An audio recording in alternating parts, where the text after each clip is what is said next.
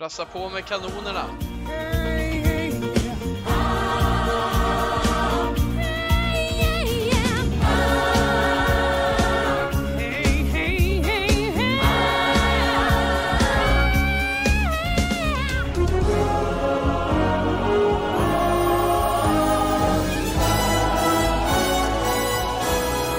Morsning, korsning och hjärtligt välkomna till Red Army Sverige-podden. Jag ber om ursäkt. Vad är det som låter? Det lät som de sjöng Adam är med så leva. att det, det är förmodligen han som gör någonting. Nej, det är min... Nej, det är bakom dig Mikael. Jag lät som de sjöng Jag må leva. Ja, det- det... år eller? Jag hör min mobil låta, men den har ljud och grejer avstängt. Men, men. Hör inte ni så hör väl inte lyssnarna, så den får ligga där. Eh, jag ber om ursäkt så här i början av avsnittet att om jag låter konstigt där, för jag har åkt på en sån man cold, men eh, Adam och Micke på så att det inte Fan, stäng av låter. din mobil också. Ja, men det Du har jag får gjort nu. smattra hela förra avsnittet. Nej, då var det ju datorn kom jag ju på. Jaha. Värre än när du äter chips Adam. Ja, men det, Ja, Adam har någon det har man ju agenda. lärt sig av. Adam har någon agenda mot Chips. mig nu för att vi ska glömma hans han. chipsäteri. Never forget. Det Oh. var fan en av de vackraste stunderna i mitt liv. När jag fick sitta och podda och käka chips samtidigt. Mm. Utan att muta mina tuggor. Ja. Det var inte så många följare som uppskattade men eh, några kanske. Nej, men det kan nog vara många där ute också som tyckte att det var ganska mysigt. Ja, Men vi har inte hört av dem än. kanske kommer. Du fläkte ju Man upp. tycker det är tystnad. Ja. Jag såg ju att eh, vi slängde ut ett frågeinlägg inför eh, det här avsnittet. Så vi ska ju såklart eh, be oss in senare i avsnittet och plocka lite från frågorna. Vi fick in från er lyssnare. Men jag såg ju Adam att du var framme och ställde en fråga från ditt privata konto till vårt poddkonto på Twitter. Red Army Sverige-podden. Eh, Då la du upp en bild på de här klassiska chipsen som kom, vad var det, sent 90-tal typ, där OLV la ut, eller tog fram olika hockeylags Ja. loggor på, eller vad ska man säga? Elitserien hette det väl då? Ja, jag har en väldigt svag relation till svensk hockey men jag älskar de där chipsen när man var liten. Bara att se dem i hyllorna på liksom eh, mataffären. Det var, det var nostalgi att se dem där på en bild för några månader sedan. Så jag delade den ja. Det var allt från Hammarby till Timrås egna chips under deras 90-talsera. Det här var ju också Vilka på den, fan, Vilka tider. ja men det här var ju på den fantastiska tiden när svensk hockey tog någon form av influenser från från andra sidan Atlanten så att säga. Alla skulle ha häftiga namn. Då också Mm. Färjestad Wolves, eller vad hette de? Brynäs Det var då- Tigers. Emil var på Cloetta Center innan det hette Cloetta Center första gången. Och när Mikael förälskade sig i Skellefteå AIK en gång. Som inte har tagit eh, amerikanska influenser. Och jag bara, jag är på Brynäs. Varför då? Jag vet inte. Jag såg en snygg eh, tiger på en mössa en gång. Och så började jag heja på dem. Han, jag såg hela, alla gick runt med en mössa typ. Med någon jävla hockey eller bandylag. Med någon boll på huvudet. Och sen var man helt plötsligt en supporter. Jävligt eh, enkelt liv vi lever här i Sverige. Växer upp med massa mössor och chips runt om oss. Men på tal om Eh. Cloetta Center, vi pratade om det någon gång. Det finns inget bättre arenanamn någonsin i världshistorien i världen. Är det så? Det är klockrent. Jag tror de flesta fattar ju inte hur bra namnet är. Cloetta Center. Det finns centerrulle och så liksom Center Arena. Ja, det är... Fan, det har jag inte ens tänkt på. Nej, du ser. Nej, inte jag heller. Jag har inte tänkt Nu så. inser ni att det var ett riktigt bra arenanamn. Men men, det skulle bytas till Saab Det är Arena. ganska bra för att vara Det är ganska bra för att vara sponsor. Ja, exakt. Det är Sponsor. där man får... Men det bästa sponsornamnet har ju faktiskt Skellefteå. Skellefteå Kraftarena. Ja, men den, är, Ja, den funkar. Det, Mm. det, det finns usla också. FM Mattsson Arena och sådana Lattjo grejer. Eh, Roliga arenan kan man prata Guld, länge om. Guldfågeln Arena. Det har vi varit inne på Ja, någon gång tidigare. den är lite Ja, det har härlig. vi pratat om tidigare. Ja, Mm. lyssnarna Fan vad vi går tillbaks och Kan- bara pratar samma saker. kan tycka att lyssnarna gärna får eh, skicka in till oss på Twitter eller Facebook eh, om de har några riktigt bra slash dåliga arenanamn. Främst dåliga. De, de Så som är Mikael, det roliga. här, och det här med att återspegla det vi har snackat om tidigare, är inte det lite grabbar sitter och pratar? Att man gärna pratar lite om gamla grejer. Som man, kommer du inte ihåg den gången? Det måste väl vara alla grabbar som växte upp. Att man sitter, tar några öl och sen för tionde gången på tre år tar man upp den där kvällen. Eller vad? Vi har ett behov av sånt. Mm. Eh, träffar ju då och då några gamla polare från Pajala som är De flesta de bor i Stockholm men de bor i Karlskrona och jag bor i Malmö och sådär så träffas vi då och då. Och då sitter vi typ bara och snackar om så här, gamla saker som hände på högstadiet och på gymnasiet. Och fan det enda vi snackar om är nostalgi. Jag tror det finns något viktigt i det där. Man kan tycka att fan, vi är lite över. Någonstans, man behöver det. Man behöver bli påmind. Och man behöver också kunna titta framåt. Men man får inte släppa det förflutna ändå. Ja, det, det, det är något vackert med det där. Jag är ju som dig Mikael, uppväxt i en liten ort och liksom det där, det där det är så fastklistrat i näthinnan. Jag tror aldrig jag kan glömma bort vissa minnen liksom, Nej, så. eh, på de här fritidsgårdarna och fotbollsarenorna och allt vad det är. Arenorna säger jag. Fotbollsplan. Fotbollsarenan. Ja, San Silo. de här festerna. Eh, och, fy fan, vilka minnen. Ja, Ja det är det verkligen. nu får jag sätta ner foten för vi är trots allt grabbar så vi får inte bli för sentimentala här och, och så. Så är det. Måste sätta ner Vi kan foten. förlora oss i där i flera timmar. Det ska, vi, det ska vi bli sen med frågorna som kommer. Ja, vi måste ju det. hålla uppe fasaden som hårda fotbollsgrabbar. Så nu ska vi prata fotboll. Mm. Det är ju landslagsuppehåll här nu och United har faktiskt inte spelat någon match sen senast vi podda. Eller det beror på hur man ser på det. Jag och Mikael poddade ju under matchen mot, eh, vad heter de? Hjärnsläpp. Sheriff. Sheriff heter de. Bra, tack. Ehm, Fan, jag har ingen, eh, tog, tog inte med mig någonting av matchen. Jag sa ju det redan under matchen, svårt att koncentrera mig på två saker samtidigt. ja, Nu när jag tänker på matchen, tar inte med mig någonting. Ingen aning vad som hände på hela matchen. nej. Men ska man ta med sig något då från en torsdagkväll i Moldavien känner jag. Eh, jag vet Det, inte. det Nej, det ju hade varit kul att vara där. om. Det hade varit kul Ja. att vara där. Det hade jag Det känt. tror jag absolut. Skön resa faktiskt. Eh, så, Mm. men det finns grejer att ta med. Men just borta match mot ett så dåligt lag. Ja, det, det kanske inte behöver dras för stora växlar över det där. Men eh, jag håller med er liksom. Den matchen kan man nästan glömma och gå vidare. Ja, så vi gör det. Nästa match vi har är ju faktiskt eh, Manchester Derby 2 oktober eftersom det är landslagsuppehåll nu och sen är det Cyprioterna i Europa League också, och Monia på torsdagen därefter. Så det är ju ett tag till tills dess skulle jag säga. Men eh, vi har lite att prata om ändå. Jag tänkte att vi kan börja lite i änden. Eh, jag hörde, eller hörde gjorde jag inte, men jag läste att Erik Ten Hag hade uttalat sig lite om det här kommande uppehållet. Och bara, ja, se vad ni har för tankar. Han sa det att han kommer ha många möten, han skulle inte ta så mycket ledigt lät det som, utan han skulle ha mycket möten, förbättra strukturerna i och runt klubben, anser han att vi måste göra och vi kommer även titta till fönstret i januari eller nästa sommar redan nu. Men eh, också förbättra vårt sätt att spela genom att lägga upp planer. Det var väl typ det han sa i den intervjun. Vad, Adam, vad tänker du om det här? Vi har ju kritiserat våra tidigare tränare kanske att det varit lite slapphänt och så vidare. Ser du är det något revolutionerande det här eller är det som det ska vara? Men, men jag, jag blir glad när jag hör de här orden för jag, jag hör ju att ambitionen är rätt och det finns ett engagemang som gör att ja, men han känner inte att det riktigt är tid för att vara ledig och det gillar jag ju när vi har så många behov och som potential. Vi, vi kräver ju en nybyggaranda liksom.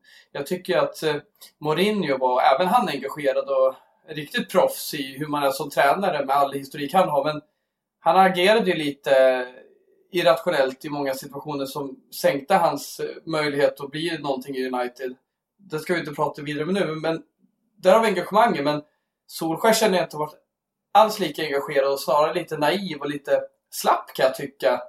Eh, finns anledning att tro det också med uppgifter som kommer fram om hur han ser på saker och ting.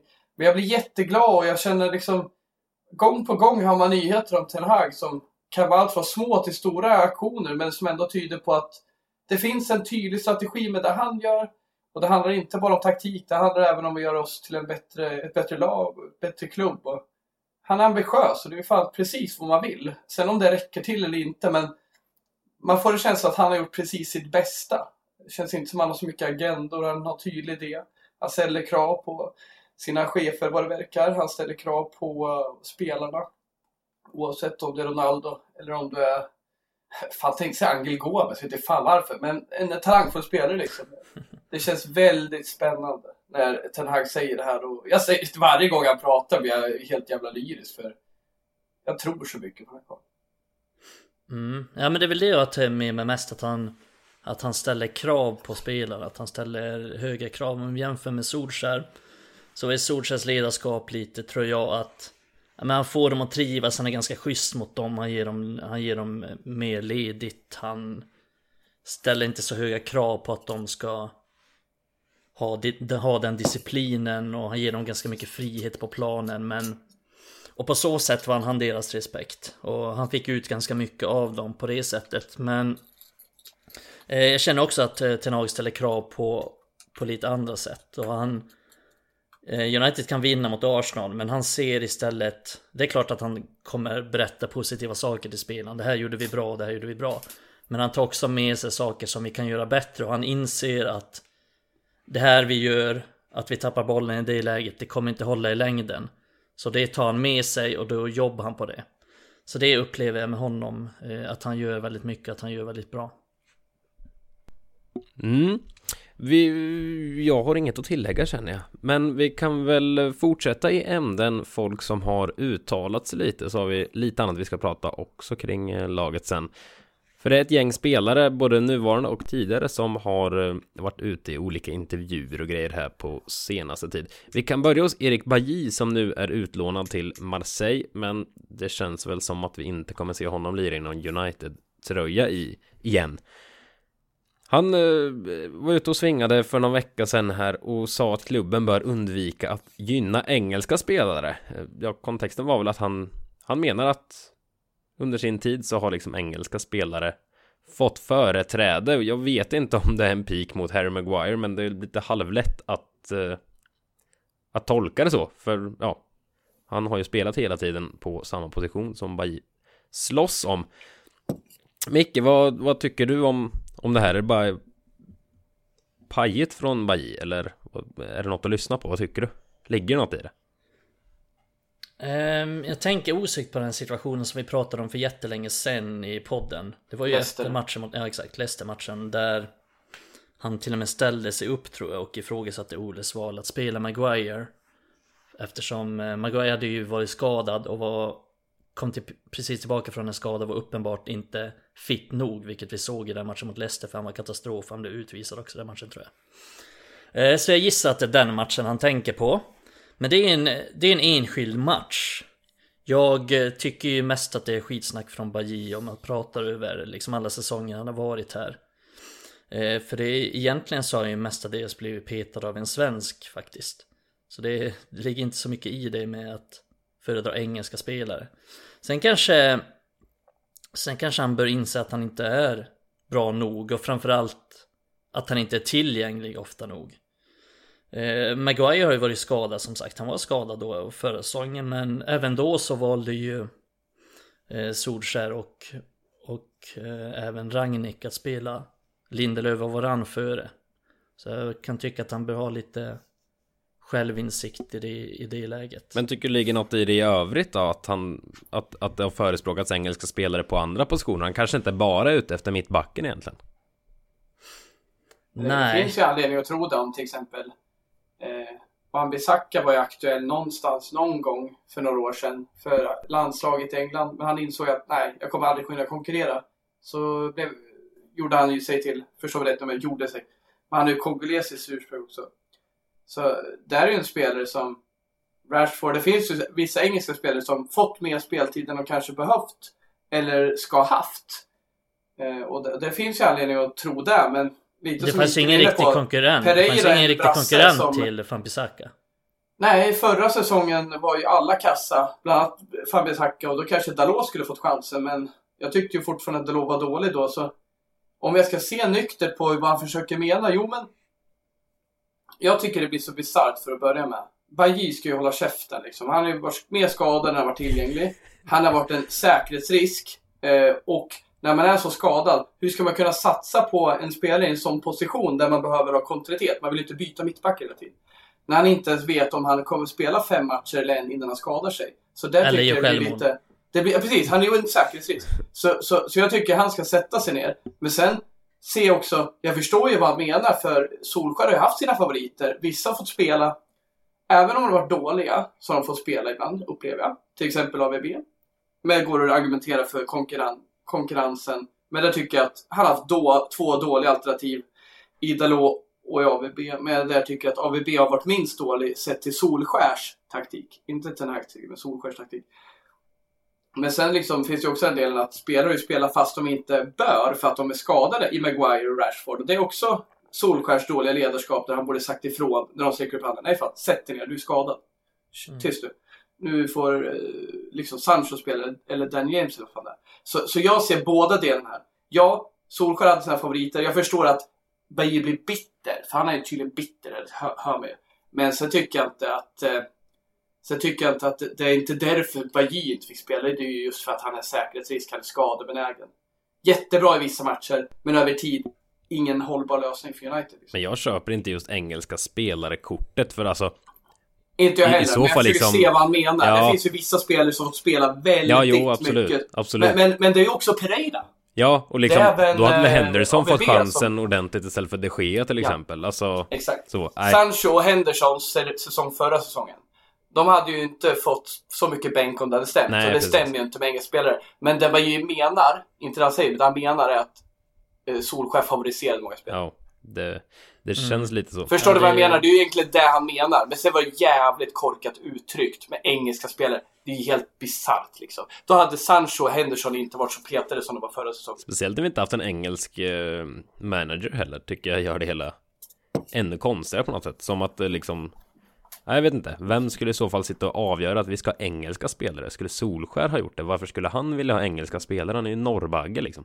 Jag vet inte, jag får inte riktigt ihop varför. Däremot... Ja, men jag kan, jag kan ändå tycka att Solskär var väldigt inriktad på att köpa just engelska spelare. Ja, det är Sen möjligt. vet jag inte om det var något uttalat så här, men det var väl lite inofficiellt i alla fall att han ville bygga en engelsk kärna. Så det finns ju där, men jag, jag tycker att det, det, blir lite grundlöst eftersom Bajie har varit så pass svag själv och varit ja. så otillgänglig så ofta. Eh, så jag har svårt att köpa det i det stora hela. Yes, han, men eh, ja, han avslöjar avslutar i alla fall Baji med att eh, som tur är har Ten Hag mycket karaktär och jag hoppas att han kan förändra den dynamiken som han uttryckte det så Oj, där hoppas han på att få en liten chans till Vilket han inte kommer Nej, det vet inte fasen om man ska tolka det så Men eh, Vad fan menar han då? Vad vill säga Var det inte bara en pik mot eh, Solskär och och Ragnhild, ja, det kanske tänker jag. Ja, det är ja. oklart. Men på tal om eh, någon av jag tror det var Adam nu va, som var inne på att Rashford eh, spelade skadad och Maguire spelade eventuellt skadad och så vidare. Eh, vi har en annan spelare som också påstår att han har spelat skadad regelbundet. Anthony Martial har varit ute och snackat också. Eh, vi kan börja i den änden. Han sa flera spännande saker, men Eh, under Solskär så menade han också att han spelade skadad regelbundet och det minns inte om vi pratat om att Martial vart, vart eh, en av de som har gjort det men Rashford var ju ganska tydligt eh, förra säsongen innan Solskär försvann att, att han sprang runt och halta i princip på planen men alltså vad, vad, vad tycker du om det här? Det är ju rent bisarrt tycker jag att det kommer fram sånt här. Då kan man alltså okej okay, om det är Champions League-final så här kan du spela på 85% så gör du det, för det drar vi nytta av. Men mitt under säsongen, jag tycker det är rent... Det är jätte, jätte, jätte, jätte konstigt. Mm. Sånt här. Jag har jättesvårt att... Det bara trycker ännu mer på hur oprofessionellt det har varit de senaste säsongerna i, i laget. Jag blir, jag vet inte, jag blir helt... Jag fattar inte. Jag tycker det är så konstigt. Håller ni med? Äh, det känns ju som det är så mycket mörker i kulisserna och det kommer bara komma mer runt Solskär. Ju mer spelare som lämnar och berättar sanningar om den här fina fasaden där vi trott att han gjorde ändå sitt bästa och han var fin på alla vis, men han var bara inte tillräckligt bra. Jag blir bara mer och mer provocerad, för jag är ju, det vet ju många av oss som lyssnar på podden länge. Det, det, det finns få anledningar till varför jag skulle vilja försvara Martial. Jag tycker mycket av de tillkortakommanden han stått för de senaste åren är upp till honom, hans mentalitet. Men i det här fallet är jag redo att försvara han. För vi har ju inte bara Martial, vi har ju Rashford som antytt att han fått spela utan att han kanske behövde, att han inte fått den rehab-tiden han behövde. Och han har gjort det dels för United och har sin plats, dels England då. Men det, jag blir provocerad av att höra det här, för liksom än en gång, alla spelare eh, är liksom, de, de, är ju i underläge här med en tränare. Alltså, fan, vill du spela eller vill du bli bänkad? Jag vill spela. Liksom Solskär borde ju då säga, ja men det är inte dags för dig att spela. Jag tycker det är viktigt att du rehabbar. Men Förstår ni mig? Det är ju ingen som kommer tacka nej då. Då blir man ju av med chanserna. Och det är kanske det Martial gjorde. Han tackade nej några gånger. Och då säger Martial, eller då säger Solskär, eller Mourinho, han vill inte spela. Eller vad fan det är. Så där är jag faktiskt redo. Och det hade jag inte sagt om jag inte visste att Rashford också antytt. Han sa ju där lite bryskt förbannad i en intervju. Jag vet inte vilken kontext det var. Men där han förklarat, ja men de vill att jag ska spela, då gör jag det för laget. Och sån är ju Rashford. Det är ingen som viker undan. Han tar ju för fan straffar i Englands landslag medan vissa går och gömmer sig. Det är en, alltså jag tycker ändå Rashford leder starkt så. Kan vi kritisera för mycket. Men att jag hör att Solskär har fan inte varit den starka ledaren vi hade behövt där. För du ska inte skicka ut spelare som inte är redo. Vare sig det heter Maguire, Martial eller Rashford. Men nu har vi fler exempel. Och det kommer komma ännu fler exempel på spelare som vi inte hanterat schysst. Och sen ska vi ifrågasätta deras mentalitet. Vi ska fan inte tycka att det är okej okay att skicka ut spelare på planen som är skadade. Tvärtom, vi har tillräckligt med resurser för att inte behöva göra det. Så det här det provocerar mig som fan Emil och jag säger det, det här är inte det sista vi hör. Ju fler spelare som lämnar, ju fler grejer kommer vi höra om den här jävla skiteran vi hade under Solsjö. Ja, eh, det känns ju också när jag läste den intervjun som att han höll igen en hel del med sin kritik mot Solskjaer ändå. Att han ändå var ganska mild i den. Eh, att han hade kunnat säga mer, det är så jag tolkar det i alla fall. Nej men eh, jag tror att det kan ha varit, eh, om det var precis efter Europa League-finalen eller ja, men någon gång under, under den tiden som Rashford sa jag tror att det är den intervjun du menar Adam. Han var ganska mm. brysk liksom att han har spelat skadad och han vet att halva laget har haft känningar mm. och spelat skadade och och då vet vi ju for a fact liksom att ja, men Rashford var en av dem, Maguire var en av dem. Eh, säkert fler också som gjorde det. Eh, och det är ju... Nej, men det är ett arbetsmiljöproblem om man säger så. Det, det är inte bara i United det här händer, jag tror att det händer i, i nästan alla andra klubbar också. Har vi inget skyddsombud det... i laget? Fan. Juan Mata var skyddsombud. ja, det var nog. Han har lämnat nu så det finns kom, ingen. Kommer du ihåg Rooney när han spelar skadad? Absolut, köp det en match. Han väljer, han vill vinna, han vill kriga. Men spelar han inte tio matcher i rad när han liksom hela jävla ryggen av. Nej. Men fattar du? Det där, det där det, är det var väl en stuka med Rooney så var det väl oftast jag kommer ihåg när han spelade bland annat i den här Champions League mot Bayern München. Ja, det är väl ofta så här, sådana skador som ändå inte blir förvärrade eller som man ändå kan. Mm. Ja men du vet såhär, han har stukat foten liksom. Ja. Mm. Um, men det här är ju lite mer allvarliga saker vad det verkar i alla fall. Mm.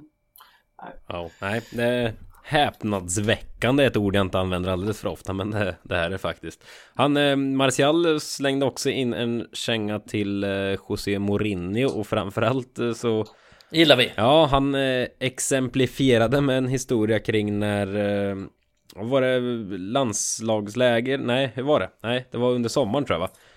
Äh, skitsamma. När Zlatan skulle ramla in till eh, United i alla fall så hade Martial blivit kontaktad av Mourinho under ett uppehåll och med frågan om han kunde tänka sig byta till nummer 11 för Zlatan skulle komma och ville ha nummer 9. Martial var inte intresserad av det, han ville behålla sin nummer 9 men sen han kom tillbaka så såg han sitt namn med nummer, nummer 11 på istället så han hade fått byta mot sin vilja. Och det hade ju inte han uppskattat. Det kan man väl förstå eller? Eller är det fjanterier från Martials sida? Jag, jag kan säga att... så här, och, och, om, man, ja. om Mourinho ville få ut det mesta av Martial så är inte det här det bästa han kunde göra. För att liksom, det här är ju en förtroendegrej. Mm. Oavsett vad man gör. Man ska ju hålla det man sagt och man ska hålla en ärlig och rak dialog. Det, det är ledarskap. Men sen också kan man tycka att Martial får in en jävla king i Zlatan i laget som är en stark ledare och så här. Kanske bara ska släppa det och gå vidare. Men ja, jag kan se båda delarna. Men jag kan tycka att det här går väl lite rakt in i Alen där Martial är jävligt karaktärssvag och grinar lite i onödan. Vilket har gjort mycket. Men jag menar, det är Zlatan som kommer in, det är inte Igal. Men jag funderar på, Martial kanske... Ja, det är väl principen, det spelar väl ingen roll vem det är. Det är ju principen om att... Ja men han, principen... Att han, liksom, är, att han inte respekterar honom. Ja, jo, principen. att han inte respekterar honom. Men det är ett jävla tröjnummer liksom. Jo, men det spelar ingen roll vad det är. Det handlar ju om respekt, att han inte respekterar ja. honom. Men visst... Sen om det är tröjnummer eller att han inte får tillräckligt med mat i matsalen, så alltså det är skitsamma. Det är principen i sig som är, som är respektlös och som jag tror att han reagerar på. Men jag tänker också ja, att viss... och jag förstår att han blir sur, men jag förstår inte att, att han gör en grej av det. Liksom. Det är ändå Zlatan som kommer in och, och, och onekligen han satt de kraven. Sen kan man ju tycka att Mourinho kan vara ärlig med det. Jag kunde inte säga nej. Han höll på att ställa ner mig i parterre. Men det Zlatan. tror inte jag, för Men- just Zlatan, han har ju, alltså när han har bytt klubba, visst att man tänker Zlatan har den auktoriteten och den personen, att han kanske kommer och säger nej, flytta på, jag ska ha det här numret. Men när man tänker till, när han gjort alla sina klubbyten i karriären, alltså i PSG sprang han väl runt med nummer 18 eller vad fasen det var i ett par säsonger, och han har haft 11, 10, 9 och allt möjligt, så jag tror nästan inte att det var Zlatan som kom och prompt skulle ha nummer 9. Så det är det jag funderar på om Du Mar- tog Mourinho gjorde det aktivt Ja, för att det. fucka till lite. Och då förstår ju verkligen om Martial liksom så här. Nej men Mourinho ville klappa Zlatan medårskoll och jag har fixat nian åt här grabben. Nu ska du och jag vinna världen igen. Jag vet inte, det är bara spekulationer såklart. Men sen tror jag att Martial använder ju det här exemplet som liksom för att beskriva något större att ja, det fanns ingen respekt här liksom. Är min känsla i alla fall, det, när jag såg lite utdrag så jag bara från den här intervjun, men det, så tolkar jag det i alla fall, men han hade inte jättemycket till övers för Mourinho. Däremot hyllade han eh, Louis van Gaal, han har ju varit här så länge Martial, så han har ju spelat under under den tidigare nederländaren också. Otroligt hur länge Martial har varit här. Ja det är det fan. Slog det mig. Men han Ja, gillar det- struktur tror jag, vi har diskuterat innan. Han gillar, han vet Han vill veta vad han ska ha för roll och, och då funkar han eh, bäst när, och speciellt när han får förtroende. Och det sa han ju också i den intervjun att han funkar bäst när han får förtroende och när han ska ve- när han får tydliga riktlinjer vad han ska göra och vad som förväntas av honom. Mm. Eh, Så det tror jag är därför också att han har funkat bra hittills med Ten Hag. Ja, eh, Martial steg faktiskt i mina ögon när jag ut, utifrån den här Jag intervjun. gillar ju att jag han är ärlig med sina, sina tillkortakommanden. Han har Mm. ju erkänt det vi visste någonstans och det är ju det är jättestort. Det, Ja, faktiskt. Det, det ska man hylla alla människor som ser sina tillkortakommanden för då vet man ju att de är medvetna och ja, i de flesta fall vill göra något åt det. Mm, Jag behöver bli bättre på det eller det. Och inte tro att man är perfekt liksom. För det är ju ingen. ja. Men alla måste ju ta tag i sin utmaning om man vill växa.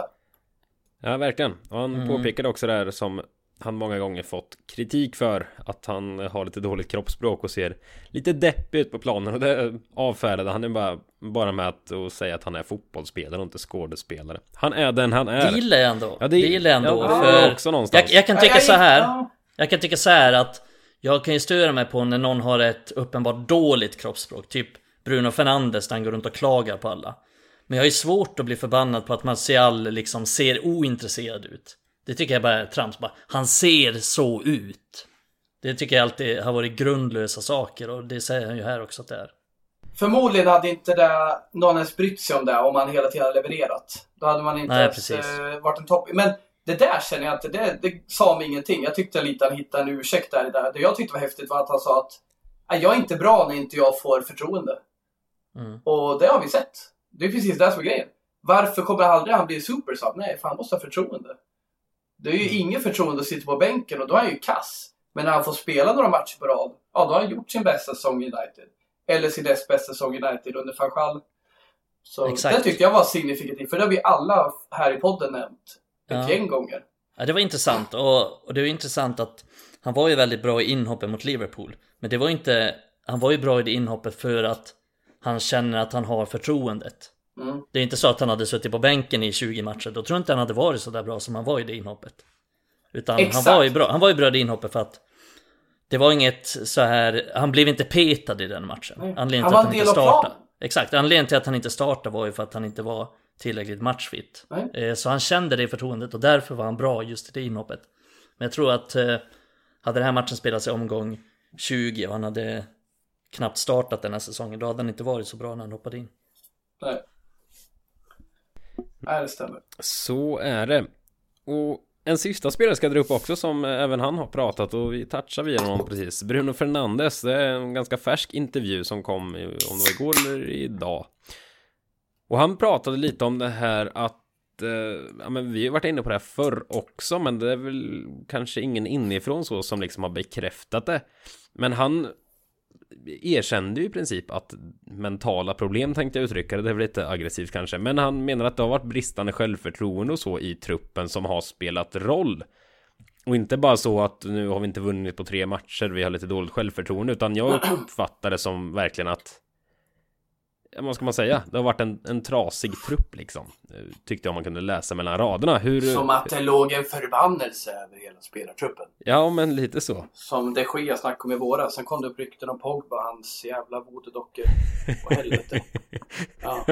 Men det där är ju ett uh, gammalt tema sen ett, uh, ja, senaste året. Att psyket är ju lågt liksom. Mentaliteten är svag och ja, men förtro- självförtroendet det är stukat. Det är flera spelare som har nämnt det nu. Jag tyckte de Gea var det första att börja nämna det och sen har det bara spunnit på. Men, men visst är det väl positivt någonstans? Alltså det är deppigt att de berättar hur det har varit och så vidare. Men jag ser det som väldigt positivt att de liksom lyfter på locket nu och berättar att så här har det varit. För för mig innebär det att nu är det inte så längre. Alltså annars skulle de inte prata om det, förstår ni? För vi har inte hört om det ordentligt på två, tre säsonger. Nej. Men nu kommer det fram. Vi ska inte tro att det är en slump. Det är en, eh, det är en aktivitet man har satt att ni ska ut och prata nu och ni ska ha kontakt med de här. Eller om det är så att man ringer media, ring de här. Eller om det är de som är rasat media. Det finns en aktivitet i att vi ska lätta på oss. Martial, du är på gång nu. Men du har lite att lätta på oss, dina fans, United. Du ska visa dina svagheter, men också berätta varför det vart si eller så.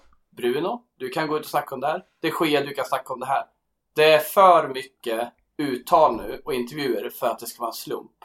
De har låst upp portarna och nu berättar de och det är jättebra. För det gör ju att vi får en förståelse och känner att de är transparenta med de uppenbara problem vi har. Att de också mm. bekräftar det vi alla uttrycker på Twitter och Facebook och allt vad det är om hur vi ser på klubben. Ja, det stämmer, säger Bruno. Vi har varit sargade. Nu får vi ny eh, go, men vi hade det jävligt jobbigt. Vi missade Champions League, alla tappade humöret och det blev dåliga resultat. Ja, jag tror det är ett sätt att förankra med fansen. De fans som varit jättebesvikna på deras spelare, tränare och fan i hela jävla klubben. Mm. Nej men jag tycker ju precis som er att eh, de framstår ju någonstans som bra. Vi pratade nyss om att man ser aldrig framstår som ganska ganska vettig i den, i, i den här intervjun och det tycker jag Bruno Fernandes också gör. Eh, så det, det gillar man ju någonstans att man får en närmare relation med dem av de här intervjuerna. Man får en större förståelse för dem man känner lite, nej, lite mer sympati med dem på något sjukt sätt. Det är det vi har saknat hos dem. Det känns ju nästan som att de inte har tagit ansvar om vi ser den här tiden för förra året när det började knaka. Och så. Att man kände att de liksom inte riktigt brydde sig. Men nu känner vi att istället för att skriva ut massa ursäkter så lätta på er, berätta vad ni känner och visa att ni är engagerade. För vi har inte känt att de är riktigt engagerade, alla spelare, men som vi har drivit tesen det är klart visst, så de här spelarna har kvalitet. Det är ju bara att vi utvinner den. Och de som inte har kvalitet, det kommer ju Erik den här märka. Kvalitet mentalitet eller kvalitet tekniken, de kommer ju skeppas. Men vi har ju sett nu, vi har ju alla dissat Dalot, vi har pratat om det och Pula. Han verkar ha rätt mentalitet och han kan slipa på sin teknik eftersom att han är så ung. Så jag tycker det är jättebra aktivitet, men som sagt, det är ju ingen slump att det kommer där. Men det är ju säkert ni också känt att det kommer väldigt mycket på kort tid i samma tema liksom. Eh, det här är nuläge och så här ser vi framåt. Ja, men jag, jag, tycker också en sak som som jag har fångat upp i alla fall, alltså det är ju att alla trycker också på att de trivs under Ten Hag och hans metoder och, och så vidare, Bruno bland annat. Men Alltså det kan man ju liksom slå ner som, som du är inne på Adam, att en sån sak kan man såklart plantera också så att säga att, ja men säg nu att nu är det bra under Ten Hag. Men jag tror inte riktigt om spelarna inte trodde på det här svårt att se att de skulle sitta och säga det rent ut. För nu får ni slå ner på mig om jag minns fel, men jag kan inte minnas särskilt många intervjuer under Solskär där liksom spelare genuint uttryckt att vi gillar Solskärs metoder. Det här kommer bli riktigt bra. Alltså det kändes mer som då var det sarg ut och bara yeah he's a good lad typ. Att vi gillar Solskär. Han är en skön typ. Så jag... Nej, jag vet inte. Jag, jag upplever väl ändå som att man har varit nöjd med Solskjaer. Inte hyllat till skyarna men att man ändå känt sig trygg och att det är kul och sådär. Ja, men inte rent uh, genuint så att han är en bra tränare. Nej, det, men att de uttrycker nu att det, är, det tror jag är genuint. Jag tror de är jättenöjda. Jag tror att de känner att de utvecklas. Och en sån här som Lindelöf som kanske till och med kände lukten av i somras att han inte kommer vara startspelare, vilket han borde göra för det tror jag ändå han kände av. Han eh, hyllade ju Linde, eller hyllade Ten Hag. Vi har Bajin nu som har blivit skeppad från klubben. Han hyllar Ten Hag så de har ju känt att det här är en, det är en bra mm. gubbe. Men, men absolut, jag förstår vad du menar. Jag tror inte alla var... Jag, jag skulle bli besviken om våra spelare var så jävla nöjda med Solskär. Mm. Solskärs största förtjänst för den här truppen, eh, sett till hur de ser det, som jag ser det, det är att eh, han, han fick dem att tycka fotboll är kul igen när han tog över rodret från Mourinho. Men sen tror jag att när han blev eh, permanent manager, då tror jag att många tappade lite sug och hopp faktiskt. Mm. Eh, det tror jag. Det här var inte vad vi trodde. Det här skulle vara en interimlösning och sen få in en världsklasstränare. Ja, en sån som Lindelöf har säkert utvecklats eh, mer nu under Ten Hag trots att han inte får speltid än vad han gjort eh, under flera år för han får så bra träning på träningsfältet och ordentliga instruktioner kan jag faktiskt tänka mig. Bruno avslutade ju dock med, vi ska inte bara kasta skit på Solskär här känner jag nu. Eh, Bruno avslutade faktiskt med och sa att han, han har fortsatt god kontakt med Solskär och de, de hörs lite då och då. Det känns också rimligt för Bruno var Alltså Solskär tog in Bruno och gav honom fria tyglar Så det sjöng om det så han trivdes ju där under för han Han trivs bäst då, det har vi pratat om många gånger förr Så det känns rimligt att han ändå Uppskattar Solskär på så sätt något att, Det, det känns ju som väntat, eller hur? något att tillägga? Vill Adam Stenberg bli intervjuad om tränarna eller något? Nej? Nej, nej, det finns ju inget vettigt där. Jag skulle nog bara bli utkickad från klubben för all framtid om jag sa vad jag tyckte. Men, ah, Skulle äta chips under intervjun och bli avbruten redan där. Mm. vilket, Göra smygreklam för Lays. vilket gammalt elitserielagschips skulle du ta? Det är ju Hammarbys utan tvekan. Men det-. Jaha Hammarby är inte hockey för någon Inte ens för de som spelar i Hammarby hockey Det är Bayern fans i division 4 mot KH Hockey liksom. Det är Hammarby Ja. i hockey. Det, det har sin skärm det också. Eh, Vi ska gå vidare med lite frågor och grejer här tycker jag.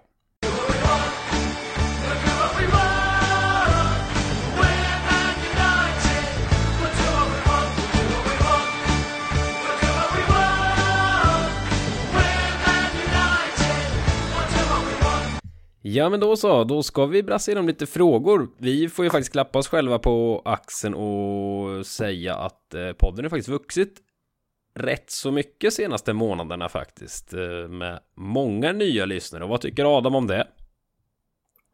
Ja, det är glädjande att vi på ett större plan kan eh, dela våra galna tankar och kärlek till United. Så det är ju bara positivt såklart. Ja. Jag sa fel, jag skulle fråga vad, vad tycker Micke om det? För jag hoppades få ett jabba dabba do då. Men jag sa Adam, så det var fel av mig. Nej, då fick du inget sånt heller. Nej, det ska jag inte ha då heller. Ni hör ju, vi har eh, Nej. enormt stort utrymme för förbättring fortfarande i den här podden. Det är uselt emellanåt, men så ska det vara. Men vi, eh, eftersom det är uppehåll och så vidare och så vidare, vi tycker det är kul att lära känna er lyssnare och hoppas att ni tycker det är lite kul att lära känna oss också, vilka som sitter här och gafflar dag ut och dag in och inte bara höra vad jag tycker om Ljuger för er. Ja, exakt. Och inte bara höra vad jag tycker om Diogo Dalot. Utan att det kan vara kul att veta annat också. Så vi tänkte brassa igenom lite frågor. En del... eh, Första frågan, hur ofta säger Emil brassa? Det är en bra fråga. Säger det oftare, kanske jag gör. Du sa det två gånger på kort Det är nog bara i podden. Jag tror jag aldrig någonsin använder ordet i, i vardagen. Hoppas Snart kommer jag börja använda det. Jag vet inte vilket sammanhang. Håller mina lektioner så kommer jag Ja, hålla exakt. lektioner för mina elever. Ja men ska vi brassa på? Jag tror de hade uppskattat det ändå. Ja, det... Kanske inte. Men vi har fått in lite frågor från er lyssnare och så har vi en del eh, andra frågor här också tydligen. Eh, så vi kör, väl vi kör väl på va? Adam, vad, Nu bytte du från brassa på här. vad sa jag nu då? Kör på. Ja. Bra, det är... Ja. Fan att du blir påverkad av det jag sa. Ja. Nu kommer du tänka hela tiden att vad fan nu ska jag inte Att jag inte står upp för mig själv och mitt eget Ja, det är- vokabulär. fan vad svag du ja, är. jag är svag. Det kan jag säga. Det är det första jag kan säga. Brassa på nu! Ja, brassa brassar på. vi på. Adam, du får börja svara. Vad brinner du för utanför fotbollen? vad brinner jag för utanför fotboll? Och du får inte säga Eh, chips. Nej, precis. Nej, men jag, jag brinner ju för eh, eh, mitt jobb. Att jobba med service, det tycker jag är kul. Eh, jag, jag är väldigt eh, engagerad i eh, eh, mitt yrkesval då. Så, så ja, men det handlar om service, det tycker jag är väldigt kul. Och bemöta kunder och eh, samarbeta. Eh, så då. Och eh, det har jag gjort hela livet. Jag har jobbat i mina föräldrar hade ju mataffär när jag var liten och nu jobbar jag med service inom eh, fastighetsteknik. Och, det tycker jag är jävligt kul. Så jag skulle nog fan kunna jobba 18 timmar om dagen tror jag. Om jag inte hade haft familj och en sida som heter Red Army Sverige att ta hänsyn till. Tänkte säga frugan ska vara nöjd om du kommer hem. Ja, nej, men jag jobbar ju tre pass kan man säga på dagen. Fan vad gött att brinna så mycket för sitt jobb. Ja, Ja, men det är kul för det är så mycket tid vi lägger på uh, jobbet i vårt liv och det- vill jag rekommendera, eller rekommendera, det vill säga till alla att har ni ett dålig arbetsvardag, tycker att livet är piss på jobbet, fan byt jobb. Eh, Ja. Vi spenderar för mycket tid på jobbet för att inte tycka att det är okej. Det behöver inte vara kul och asbäst, men det ska i alla fall kännas bra att gå till jobbet tycker jag. det håller jag med om. Det, det är något många Om man har möjlighet till det. Ja, Om man Ja. har möjlighet till det. ja, det är inte alla som har. Läraren eh, låter som han är bitter. Nej, vadå? Vad, vad brinner du för då? Inte jobbet? Äh. Nej, alltså... Um... Varför skrattar du? Nej, jag blir oroad för lärarkåren i Sverige. Varför det? Jag blir oroad för våra ungdomar. Du träffar en öm tå här. Lärarna trivs inte på jobbet. Hur ska då eleverna trivas och lära sig? Ja, men jag, tri- jag trivs på jobbet. Det är absolut. Men... eh, nej, jag trivs på jobbet, men uh, brinner för det. Ja, det vet jag inte. Nej, jag jag ska inte säga att jag liksom sitter och... Men i läraryrket så... Vet fan, man kan ju aldrig riktigt släppa det. Man håller ju alltid på med det på ett eller annat sätt. Eh, Verkligen. som, man, som man kan ha användning för eller liksom svara på mail eller gör si eller så eller planera någonting i sitt huvud eller så. Men jag vet inte om jag brinner för det. Nej, Eh, dig. det går väl lite in i mitt jobb ändå, sakerna jag brinner för ändå. Eh, och det går också in i Red Army Sverige skulle jag väl säga. För jag är ju rätt så intresserad av eh, skrivande i allmänhet och skriver mycket på Red Army Sverige men också på fritiden, olika grejer. Eh, och sen också litteratur såklart som jag till exempel eh, just nu håller jag på att läsa en bok för att kunna se om jag ska använda den med en av mina klasser till exempel. Och det är en sak som man som jag gör på fritiden men som går in i mitt jobb också. Eh, så det brinner jag, för, brinner jag väl för ganska mycket. Eh, men jag gillar även eh, jag gillar att shoppa. Väldigt omanligt av mig men jag gillar mode, kläder, skor. Pratar vi gå i butiker, shoppa eller sitta och bara klicka hem? Ja, eh, både och. Ehm, verkligen, speciellt när det gäller typ skor för det är, ganska viktigt att testa dem och så. Är det till att spendera så mycket pengar så får en klump i magen ibland eller? Nej, det får jag väl inte men jag, jag skulle säga att jag lägger den större delen av, alltså av mina utgifter som jag har lägger jag väl på, på just det. Och öl också såklart. Ja, Men det är väl, det är väl mest det jag lägger mina pengar på. det är två vettiga jag vet saker. inte om jag får en klump i magen av det. Du vet som lärare så tjänar jag jävligt bra. Ja, det...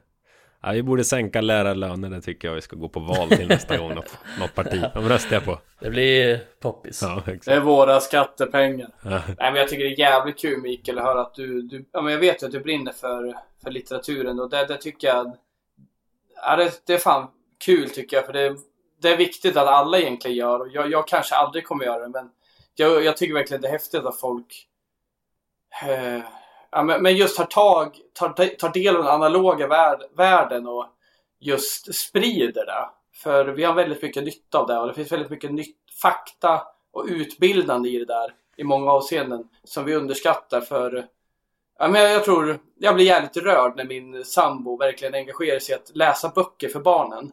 Och, och det är en liten grej kan man tycka, men jag tror det är väldigt få som tar det på allvar. Hur viktigt det är. Och att man faktiskt bjuder in till den världen. Man kanske inte ska tvinga ett barn att läsa, men bjud in till det. Normalisera inte och sitta vid en läsplatta eller sitta vid en dator eller vid en eh, mobil att det är nya, det finns fan jättefina böcker. Och det finns en, en jävla, ett värde där. Alltså, kort och gott, bra med det Mikael. Jag tycker det är kul. Och du brukar dela lite på Twitter sådana här citat och sånt. Jag tycker det är ashäftigt. Mm. Ja, men just det är ju, det är väldigt viktigt att läsa för barn också. För att de ska liksom bli utsatta för, utsatta så här men, ja men liksom eh, bli utsatta för litteratur och få litteraturen till sig. Men jag läste ett ganska roligt citat av eh, Chris Pine som är en skådis. Tror jag. Han sa någon, i en intervju nyligen att han att han brukar läsa så sjukt många böcker. Liksom han bara drog av 15 böcker på tre månader typ. Och sen tog han upp telefonen och så läste han om Kim Kardashians och Pete Davidsons relation. Och så kunde han berätta till sina kompisar om allt om deras relation för att han hade läst om det i fem minuter. Men han kunde inte säga ett enda skit om böckerna han hade läst. Att han liksom inte hade tagit in någonting av det. Och så berättar han sitt självhat för det och lite så kan jag, jag kan känna igen mig i det. Ibland har jag bara läst en bok och så bara, nej jag kan fan inte säga ett enda ord om den boken. Jag kan inte säga någonting, jag kan inte återberätta någonting. Jag läser en bok i 300 sidor, jag kan inte säga någonting om det. Fan vad värdelös jag är. Eh, Men jag kan återberätta allting om senaste Paradise Hotel avsnittet som jag såg. Nej, så det, då mår man inte bra. Nej. Men så är livet. Så är livet pojkar. Ja, det är det. Ehm, nej, jag ska säga med, jag brinner utanför fotbollen. Vad brinner jag för? Jag brinner ju en hel del för, ehm, om jag ska säga en annan sport så brinner jag för hockey en hel del också och håller ju på Linköping för jag kommer därifrån. Så det är ju lite tungt då. Ja, Gör du? ja, Du berättar ju ganska, du berättar inte så ja ofta men det var några avsnitt sen nu, hockeyn. skulle jag säga. Är det för att det går dåligt för dem eller? Eh, Ja, alltså hålla på United och Linköping senaste säsongerna Då mår man ju inte jättebra mentalt. Så, så är det ju. Men eh, annars brinner jag för Jag pluggar ju till journalistik för er som inte har hört det heller. Eller till journalist heter det väl. Det hoppas jag att jag kommer brinna för. Jag ska köra praktik från nyår och framåt. Vet inte än vart jag får plats Men jag hoppas jag får där jag vill. Och då kommer jag nog brinna väldigt, väldigt mycket för mitt jobb också är jag ganska säker på. Men det är en lite snårig bransch det där så man kan nog få, um, ja, det... Man vet inte riktigt vart det landar, så känner jag väl. Men eh, Ja, det är en riktigt tuff bransch. ja, men jag tror och hoppas att jag en vacker dag landar där jag vill vara och då kommer jag nog brinna väldigt mycket för det. Tycker det journalistiken i sig tycker jag är viktig att värna om faktiskt. Väldigt, väldigt viktigt på alla möjliga sätt. Nu gillar jag sport och sportjournalistik är ju också för den delen. Jag tycker att just journalistik som sådan behöver utvecklas eh, inom just den branschen. Eh, Att det inte bara ska vara Ja, att det inte bara ska vara vad det är utan att man ska värna om att det ska vara bra journalistik hela tiden. Tycker jag Mm. är viktigt. Ska vi hålla Ja, på? vi är lite på avdrift där, jag förstår vad du menar. Men bra Emil, tur att vi har dig som kan hålla facklan. Så det inte blir någon jävla klickvärld med Nej fy, det är det värsta jag vet. Sen eh, med det sagt så ser jag inte mig själv som världens bästa på att skriva och så vidare och så vidare. Men eh, jag tycker fortfarande Nej, det kan jag hålla med Jag skojar bara. Du är skitduktig på att skriva Emil. För fan, håll inte på att trycka ner dig själv. Nej, bättre än eh, de flesta, det ska jag också säga. Men det, det är inte, ja, nej, jag tycker bara man ska värna om journalistiken som sådan. Ska vi bli så här långrandiga på varje fråga så sitter vi till midnatt kan jag säga. Men eh, Adam, du får byta nationalitet. Vilken väljer du och varför? Åh fy fan vad jobbig den här är. Du, det var din jävlar. fråga för övrigt. Är det? Ja, vad fan. Min fråga. Så är det du som har ställt. Alltså, Ah, vad är. dumt. Nej, men jag vill ju bo i ett land där man ändå... Ja, fan. Nej, men jag ska inte gå djupt i den här, men alltså, fan. Jag vill bo i England, men jag hatar det där jävla landet på många sätt och vis. För de är Brexit och de är fan åker åt fel håll och det är inte mycket som är bra. Men, men jag skulle liksom kunna förlora mig i publiv och ändå bara... Åker åt fel Liksom sam, håll. Du vill ha din jävla full English breakfast. Ja, exakt. Och sen sambo bara, fan hon ringer inte. Nej just det, jag är engelsman. Då ringer man inte sambo när jag sitter på puben för det är helt jävla normalt. Ah, ja. jag sätter mig och kollar klart Premier League-lördag här. Sen går jag hem lite halvlullig och sen lever livet vidare. Och sen kan jag, ja, nej men för fan, jag skulle vilja bo i England. Jag bodde ju där en session eh, efter studenten och det är bland mina bästa minnen. Och det finns så jävla mycket fint i folket som bor där. Det finns mycket stökigt. Men de är ganska roliga engelsmän överlag. De kan vara otäcka med, men de är ju så öppna känner jag. Och det, jag, jag skulle gilla den. Men bara att man träffas mycket på puben. Det är väldigt osvenskt att träffas eh, i en stor grupp som är gör i England. Det, det här är vi mer, vi är här fyra, vi är här fyra, vi betalar var för sig och så. Så England.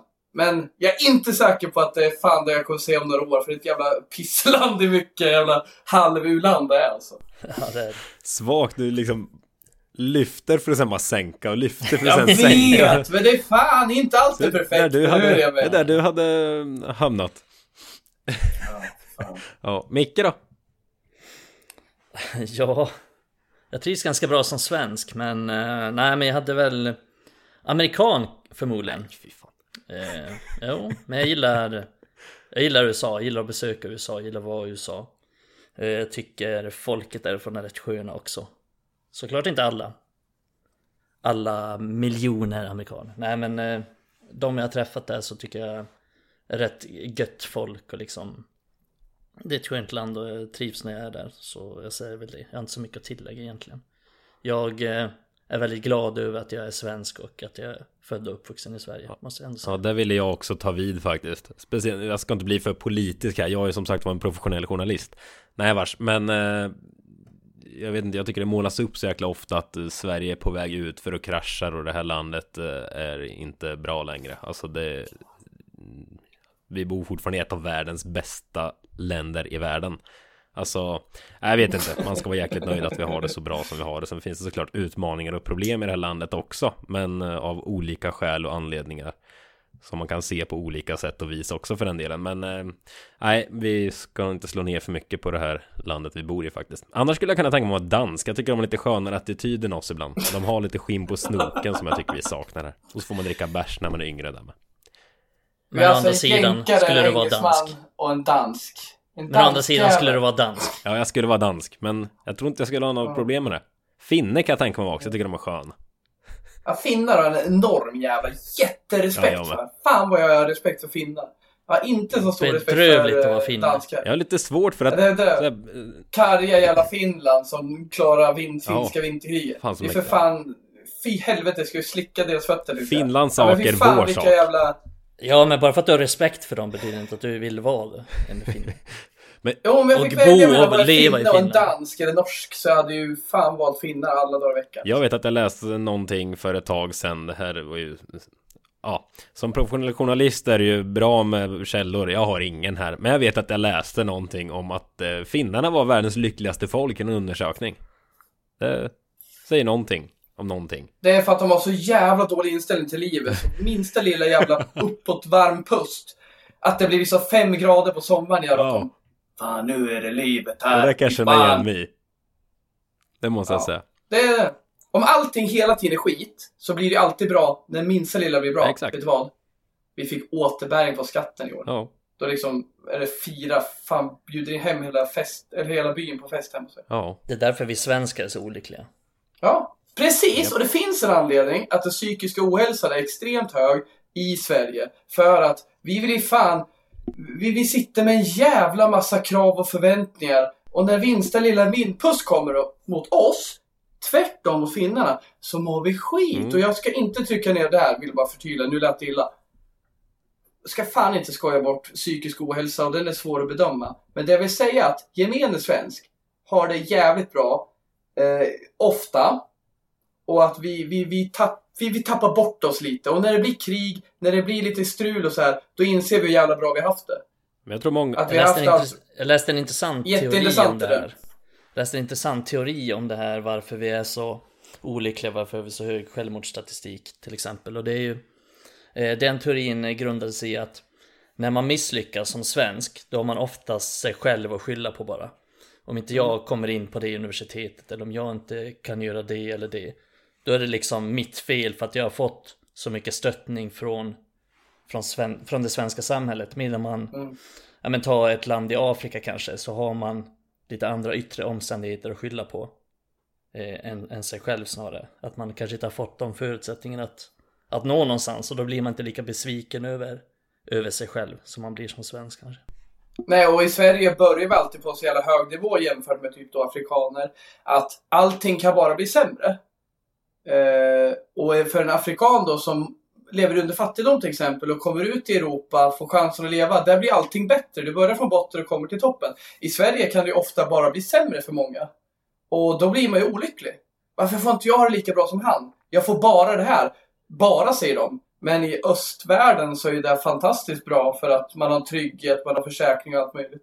Mm. I vår välfärdsstat vi har. Så det här är jätteintressant. Vi behöver inte fördjupa oss i det här men det där är extremt intressant med varför den psykiska ohälsan är så hög i Sverige. För ja, vi, vi har det bra från början i många fall. Jag säger inte att alla har det, men väldigt många om vi jämfört med våra medmänniskor i andra världsdelar. Ja, rekommenderar på tal om läsa bok som Micke var inne på förut. Läs, eh, jag läste i somras Hans Rosling som nu gått ur tiden. Nu har hjärnsläpp vad boken hette. Eh, så lärde mig förstå världen, kan den heta det? Strunt samma. Eh, Väldigt värd läsning i alla fall när han liksom berättar utifrån fakta och liksom så här är världen och den utvecklas till det bättre överallt. Jag tyckte den var sjukt intressant, lite på ämnet. Rekommenderas varmt. Vem i podden är mest osund i sin kost? Ska man peka ut någon då i tanken? Ja, nu är det meningen Ja. att du ska peka Ja. på den du tycker. Och du kan peka på dig själv eller Ja, nej, jag, jag tror jag vill peka på Micke. Jag bara tror det. Bo själv liksom. Det känns som då äter man sämre. Var det rimligt argument? Eh, Adam är familjefar liksom. Jag tror du det lagas mycket mat hemma hos er till ungarna är min, min bild i alla fall. Så jag kan tänka mig att du liksom äter bra mat på så sätt. Och jag har en sambo som är väldigt duktig på att laga mat som jag lever på. Jag tycker också det är kul att laga mat så jag försöker haka på där. ja, nu, nu gjorde du det väldigt lätt Emil, så jag pekar på Mikael med. Jag tror inte någon av oss äter särskilt osunt. Nej, inte Nej, det var inte frågan. Vem var mest osund? Det är inte som eh, vi drog, vad, Fett och Superstar. vad var det Rasmus åt Ja, våran men jag tror fan inte jag är det alltså. Men... Eh, Men vem tror du Mikael? Det är där vi inte undrar nu. eh, ja, då tror jag ju du Adam. Kanske att du unnar det mest. Jävligt bra val. Du är, bra val. du är en sån jävla Janne. Varenda fredag då tänds grillen och något dyrt jävla kött slängs på.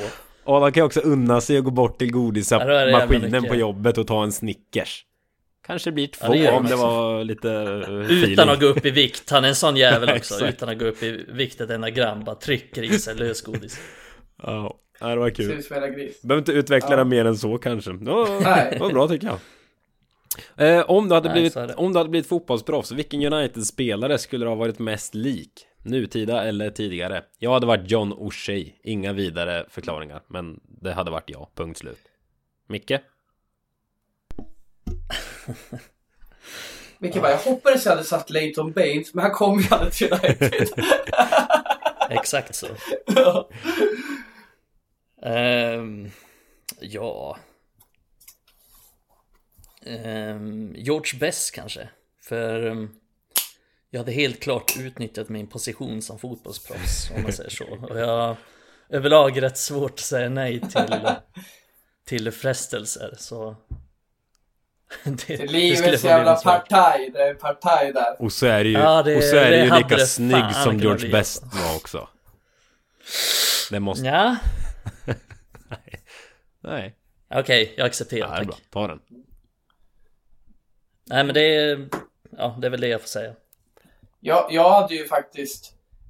Min role model när jag spelade fotboll var ju Paul Scholes. här. Sen, sen O'Shea har jag känt mig jävligt lik faktiskt i spelstilen. Just jag alltid omfamnat, spela med båda fötterna och var aldrig tillräckligt jävla bra, i alla fall som seniorspelare, att jag fick en position. Det var väldigt mycket att hoppa runt och det var väl både en fördel och nackdel för min karriär. Men jag skulle säga att jag påminner mest om Darren Fletcher. Så här, helt okej inläggsfot. Eh, Ja, men som människa. Ja, nej, som människa, är det där ni menar? Ja, eller? Jaha, när jag tolkar som spel, eh, spelare. Ja men fan, du hade ju inte Ja, det så var därför jag tyckte det var George Best. Jag var Mikael Ja men man kan ju slå ihop det i och för sig, det gillar jag. Ja, John O'Shea som människa vet jag inte. Är han skön? Nej, det är för svårt. Nej, men så där känner jag att Jo, det vet man ju. Fletcher påminner mycket om mig och det är nog att man har liksom ingen spets, men jag var väl ganska rivig på Det mittfältet. var där jag men, såg mig eh, själv som... Jag kör samma argument med en O'Shea. Ingen spets, men löser allt. Jag tänkte, jag tänkte du menar som människa. Jaha, nej det vet jag fasen. Ingen spets som människa. Men det tycker jag är så himla svårt som människa, för man vet ju inte riktigt om alla. Det är jävligt pretentiöst och Mikael bara, jag ska bli George Best. men då förstår jag ju nu att det var... Alltså missförstånd. Det här är kul. verkligen, inte, li- verkligen inte lik honom eh, som spelare heller. Nej, du är ju vänsterback liksom. Ja, nej precis. Men fan, jag har ju nästan sagt, vem fan ska jag svara då? Eh, Stå på typ dig. Luke Shaw eller någonting. Luke Shaw, ja. Mm. Lika lat som honom. Luke Shaw, osund kost. Exakt. exakt, exakt. Bra teknik och bra inlägg liksom. Ja, men lat. Ja. Mm. Gillar att shoppa. Ja, Ja. det gör han också tror jag. Ja, känns som det. Eh, vi hade lite fler sådana här, men vi kanske ska hoppa ner till eh, frågor vi fått från lyssnarna för att inte mm, ta alldeles för lång tid här. Vi får se vart vi landar. Men eh, en... Tid är det enda vi har Emil. Vi har 24 timmar varje dag. Sen blir det 24 nya timmar ända tills vi tackar för oss. Så oroa dig inte för tiden. Nej, det var djupt. Den sagt. finns. Det var djupt. Ja. Men det är du som vill att jag ska få ut det här innan klockan nio också. Hur lätt blir det då om vi håller Det på sant. för länge? Det är Va? sant. Ja, Ja, det men släpp det där nu då. Lägg på ett. Eh, Kom med frågan nu helvete. Fråga från eh, Tobbe på Twitter. En viktig fråga är vilken öl som ni inmundigar i samband med match. Bitter, lager, stout eller nymodigheter som IPA, APA, suröl. Vad dricker Inmundigar. Inmundigat, bro. Älskar det. Du vet, ända sedan jag läste den frågan har det bara eka i huvudet det ordet inmundigar. Det är ett bra ord. Vackert ord. Ja. Om ni säger det tio gånger så kommer det låta så jävla sjukt. Det kommer låta som efternamn i en fotbollsspelare ni hörde en gång aldrig mer hör igen. Inmundiga. Igor Imundiga. Almunia. Almunia. Manuel Almunia. Med den där jävla eh, pottfrän. Ja, mohikanen. Skitsamma, jag honom. Ja. Imundiga. Jag dricker ju lager. Jag drack en eh, Guinness till eh, senaste matchen. Jätte, jätte, jättegott. Men det är oftast en lager. Du kan inte Jag bo i England Janne. och svara lager. Jag säger som Janne. Janne. Det ska vara vara så. Fan vad svenskt det är. jävla vanlig kall lager. Här, jag hoppar ner i den här båten Köttet också. på grillen. Köttet på grillen. Och så Kött på grillen. Ja, jag, jag tycker rakt igenom att eh, en ljus lager är det godaste. Det jag tycker det är fantastiskt. Sen kan jag eh, liksom dricka en annan öl bara för att bryta av så att säga. Men skulle jag få välja något är det definitivt en vanlig jäkla lager. Mm. Micke då? Vass här. Du dricker konstig öl. Mm. Ja men det gör jag. Jag dricker nästan all öl. Inte stout särskilt ofta i alla fall. För det tycker jag inte om så mycket. Eh, men annars så dricker jag det mesta. Men eh, i samband med match. Fan jag dricker inte så ofta till matcher faktiskt. Tyvärr. Kanske jag borde börja göra. Ja, vi ska ju inte förespråka att man ska sitta och dricka konstant, så det kanske inte ska. Men eh, Okej, förlåt. ibland tar jag en öl till matchen. Och sen beror det på, är man på pub och så vidare, då dricker man. Men men. Eh, nästa fråga här från Tjock-Olle. Han heter så på Twitter, inte jag som kallar någon stackare för det.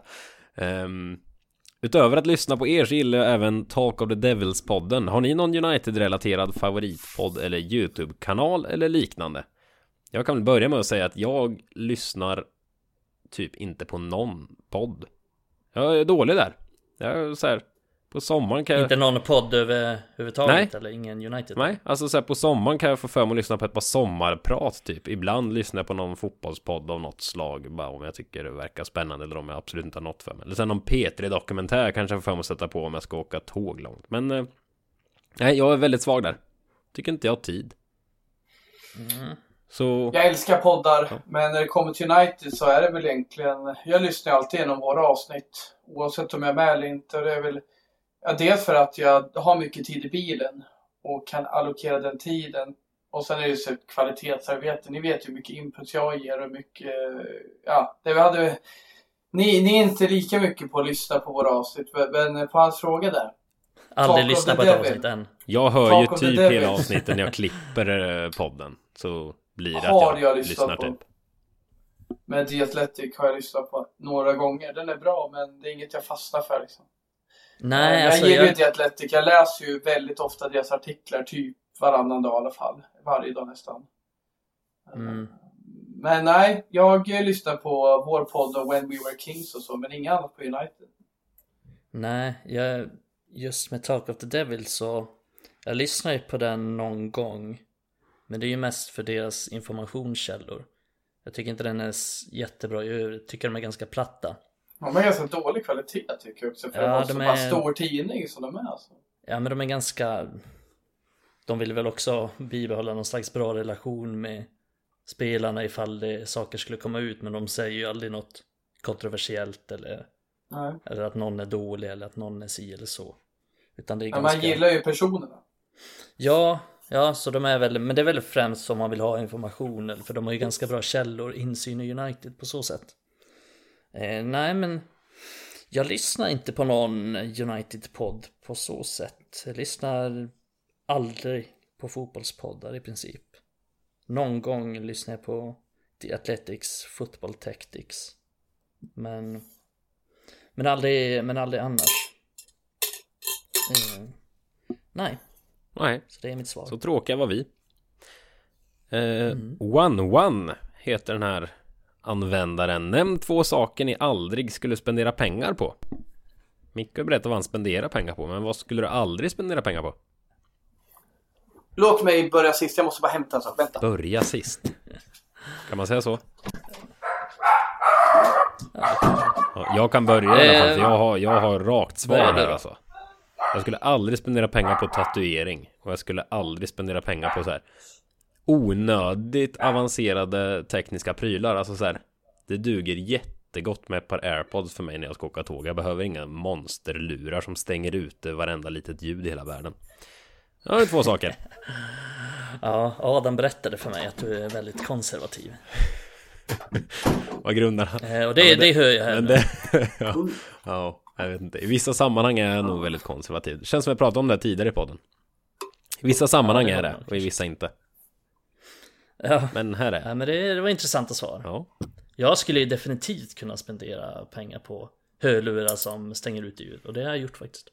Eh, men saker jag inte skulle spendera på. Eh, svår fråga. Så här, jag tänkte bara för några veckor sedan typ så här när det var någon som hade köpt en så här svindyr handduk. Tänker jag, fan vad onödigt. Typ så här, jag kan förstå poängen med de flesta dyra möbler, plagg eller liknande men men typ så här, folk köper dyra handdukar kan jag verkligen inte fatta. bara den torkar tänker jag så kan de... Ja exakt, du ska Billig. torka det liksom i fem minuter. Men det finns ju sådana som eh, knappt torkar som liksom... Ja, Ja inte men gör alltså. sitt jobb. Ja, finns det det ens? Jag vet inte. Kanske att man har haft Ja, men du i ska- år då. Ja men du ska liksom torka det i fem minuter. Det funkar med en United-handduk du köpte i Turkiet 2003. Du behöver inte ha en handduk för 2000 spänn. Nej, jag hör dig. Alltså det känns som en så här, en grej jag aldrig skulle eh, För som sagt jag spenderar ganska mycket pengar på, på olika saker, på kläder och så vidare och så vidare Men handduk skulle jag aldrig spendera mycket pengar på Nej. Så det blir mitt svar En sak i alla fall, sen vet en fan sak. Kommer inte på något annat Har jag aldrig, aldrig ens hört det forumet att någon köper en dyr handduk. Men det är såklart, det kan ju mycket väl hända. Ja. Ja, kan det ju Frottéhanddukar från eh, Eva Attling. Ja. Ja men det är ju såhär, Alex Schulman, han är ju en dyr handduk, det Ja, vet man men han är ju en jävla tjomme. Åh, fy fan vad trött jag är på honom. Ja, skitsamma. Jag honom. Adam då? Vad skulle du aldrig Ge spendera ditt pengar svar på? istället Adam Ja, men mitt svar är så här. Jag skulle aldrig investera i kroppsmålningar. Alltså tatueringar. Nej, det sa jag med. Hörde du det? Eh, nej, det hörde jag inte. Ingen av oss som är tatuerade Nej. Unikt, Nej. det är, Och det är unikt Ja. Jag är väl en av de här fysiska experimenten när man tittar igenom en helt jävla omålad kropp i framtiden.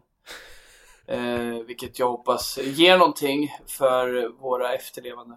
Men sen skulle jag aldrig investera i eh, plastikoperationer heller. Vet inte hur aktuellt det är med eh, det för killar. För tjejer har ju, som jag ser det, en ganska vidrig press från det samhället vi är i. Att du växer upp med att det liksom är helt jävla normalt att du ska ha en viss kropp eller visst utseende och att ja, men det är helt jävla normalt idag att fylla läpparna till exempel. Det behöver ju inte jag känna något krav på. Men hade jag varit tjej hade jag kunnat känt press att vänta nu, mina läppar är ju platta.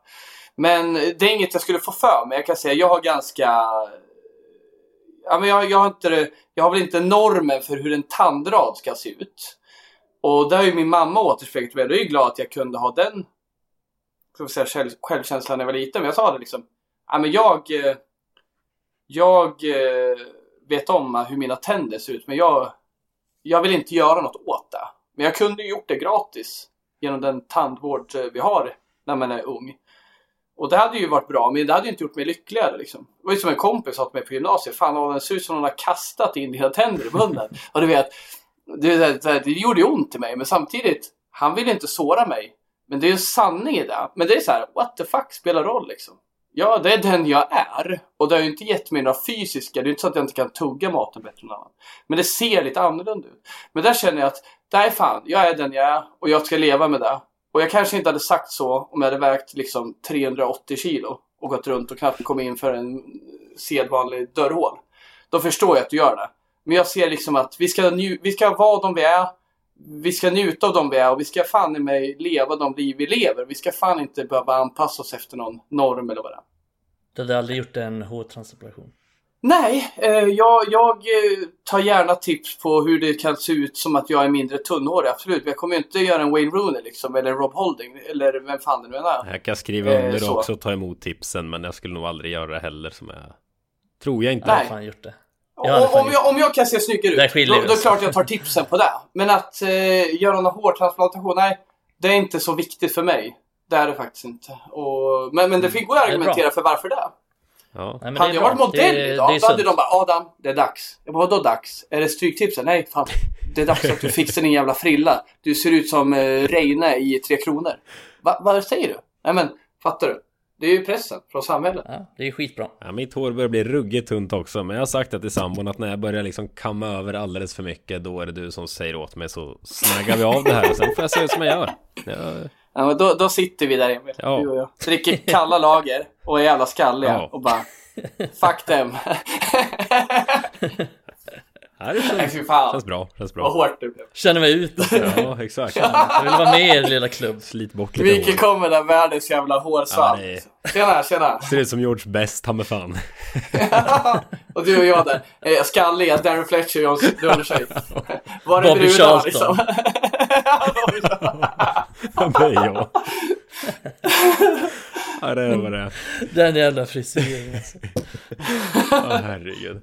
Ehm, vidare, Anton Jakobsson ställer frågan Är någon av er ananas på pizza? Svarar ni ja så sitter de och viftar med en Liverpool-flagga Ja men jag håller med honom där. Det är... Ja, Ja, jag är ju ananas på pizza Nej fy fan jag visste att du är Nej, men det. jag måste- fan vad Ja, vidrigt. Alltså måste man för eller emot? Det är inte så att jag måste ha Ja, det ananas på man. pizza Jag tycker om jättemånga olika andra pizzor också Men jag tycker det är gott med ananas på pizza Har du kiwi på hamburgare också? Nej, va? Är det en grej? Nej, men det är frukt. Men jag har ätit en, På mat. I varm mat. men jag har ätit en hamburgare med ananas på Ja fy fan det är också vidrigt. Nej men alltså jag... Det var min favoritpizza när jag var liten alltså. En eh, inbakad hawaii. Med sås? Du vet den här... Du inmundigar. Oh. En brödbit med smältost och så här saften från en jävla ananas och bara pressar in det i käften. Det är bästa jag vet och jag har faktiskt så här. Det var ju lite speciellt att man an- beställer en inbakad hawaii. Så, så här, när morsan och, eller så här, morsan och farsa till exempel, då hör de ju att det är dem. Men om jag kunde vara på någon så här festkväll och någon polare beställde. Hej, jag ska beställa tre pizzor och en av dem var där. Då var det alltid så här, hälsa Adam, sa pizzabagaren. För att han hörde att inbakad hawaii, det måste vara Adam. För jag var väl den enda som beställde det. Hade du Ja. inte kunnat få till en Adam special? Ja, inbakad absolut. Det hade kunnat bott. Om jag hade Vilken valt dröm. att- Det är ett mål Hade jag man har i livet. att det satt ner en bopåle i Valla som vuxen, då hade jag nog fått en Adam special på La Fiesta i Valla. Helt jävla hundra på det. Men jag Det älskar samma- Hawaii inbakat, tycker det är skitgott. Men ja, det är ju inte så jävla PK. Det är det inte. Nej. Det kan bli en Mikael special, en, en gyrospizza med dubbelbotten på Lazio i Malmö. Ja, det är så. Ja, det där med dubbelbotten måste man ju testa någon gång alltså, men det låter ju... Fan, testa det. Låt- Era liv kommer aldrig bli Låter detsamma. rent Ta groteskt. bara, ta bara inte ananas på det. Nej. Jag har ju också en liten dröm någon gång så här. När jag blir äldre så vill jag bo i något område där vi har så en Ja men en lokal pizzeria eller någonting Eller ett fik eller vad som helst Där man Där jag och några andra gubbar sitter och har det gott Kanske sitter och gör stryktipsraden där varje lördag eller något Och så kommer man in och De som jobbar där känner igen den och säger det vanliga Och man bara ja Och så vet de Det är en liten dröm jag har Jag vill bli Man stammis bara är vet att du skulle älska det. vackert. Ja, jag vill bli stammis Du vill ju ha det redan nu. Du vill ju ha det redan Ja, det skulle jag kunna tänka mig. Men det har jag tyvärr inte. Men Emil, du säger ingenting. Du bara räcker upp handen, får in din jävla öl och din vanliga lunch Ja. till strykraden. Liksom. Ja. Jag vet inte exakt vad lunchen skulle vara, men det kommer jag fram till. Den kanske byts ut med jämna mellanrum också. Det får vi se. Eh, Jonathan Mäki frågar dig Micke. Kommer du ihåg att han kom... Mac, det. Mackie, jaha. Varför då? Fortsätt. Ja men, Vadå varför då? För att det är finskt? ja, men det, eh, på tal om hockey, LOC hade en sån klubbdirektör eller vad han var som hette det. Han uttalades Mackie vet jag, men han kanske bara gick med på det för att svenskarna inte fattar bättre. Men men, Ja, svenskar är totalt värdelösa på att uttala finska namn. jaha. I världen. I världen. Men han frågar, kommer Micke ihåg att han tältade med min bror någon gång mellan år 2000 och 2003 på Ringvägen i Pajala? Där föddes brorsans United-intresse och sedermera mitt tack vare Micke och Beckham. Fina tider. Det här är ju en fantastisk fråga. Fan. Otroligt att jag har påverkat honom och hans bror Ja. Robin som han heter. Eh, nej men jag kommer inte ihåg just det, men jag kommer ihåg att eh, jag spelade lite fotboll med Jonathan som ställde frågan där när han var en liten kis. Försökte jag skola upp honom där hur man blir en bra fotbollsspelare. Det blev han inte eller? Jo det blev han. Ja. Ja, då så. Eh, så det, det är min förtjänst. Och då, hur bra blev han? Helt klart. Borde jag veta vem han är? nej. Nej. Nej, eh, men han spelade väl... Nej, fan jag ska inte låtsas som att jag vet, men han, blev- han blev ganska bra på Ja. fotboll. Pajala FF division 5. Nej, han eh, flyttade till eh, Piteå, tror jag. Jaha. Ja, då så. Eh, Där han bor just nu. Ja. Tror jag. Jag uppskattar Ringvägen i Pajala. Gick den som en ring runt Pajala?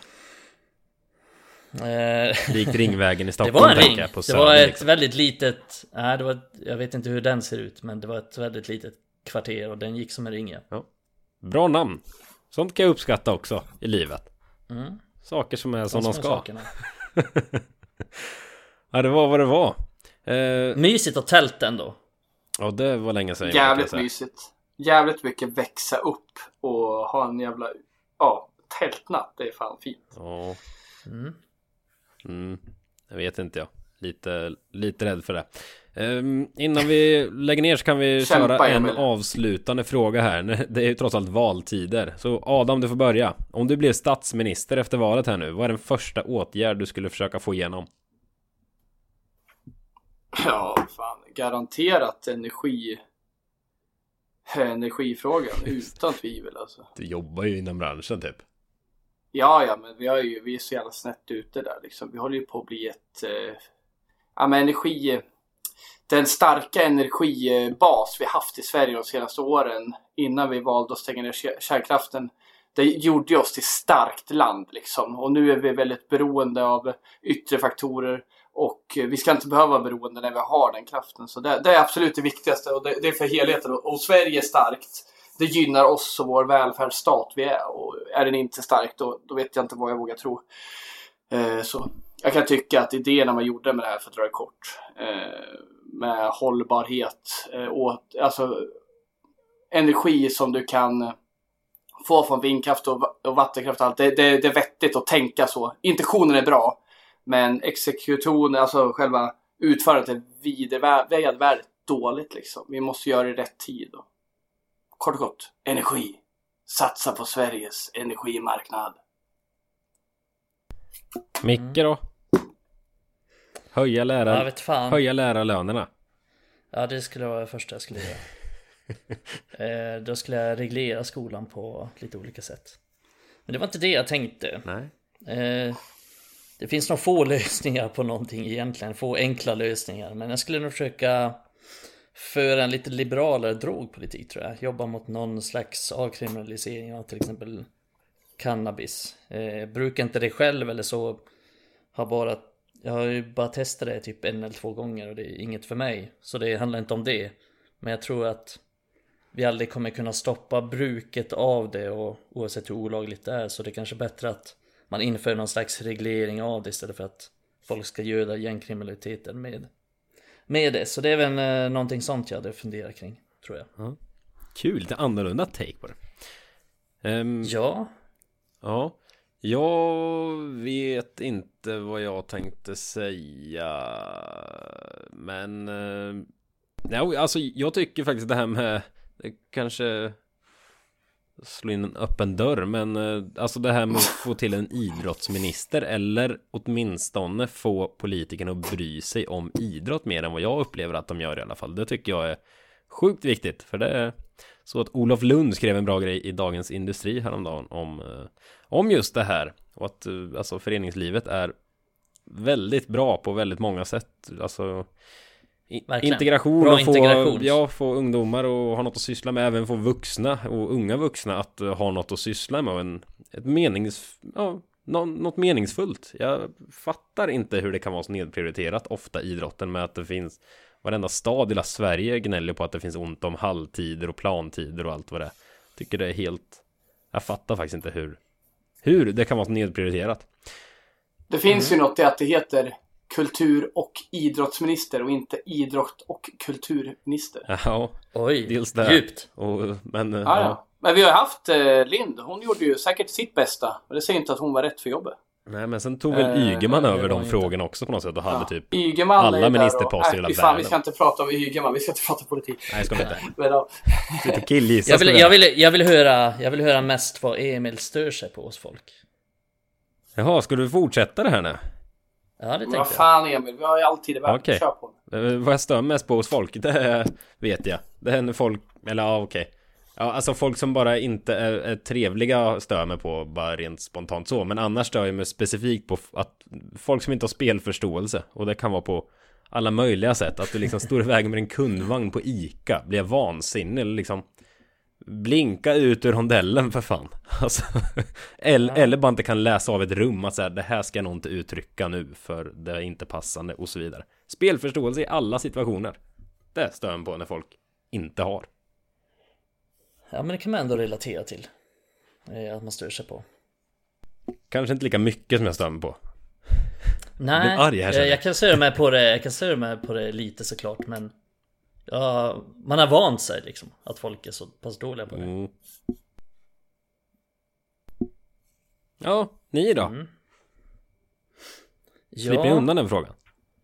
Nej, men, men, men jag, jag kan eh, störa mig lite på eh, när, när folk liksom uppenbart inte gör sitt bästa i det de ska göra. Om vi säger att du är eh, du är en förälder som inte engagerar tillräckligt. Eller du är en förtroendevald som inte engagerar sig tillräckligt.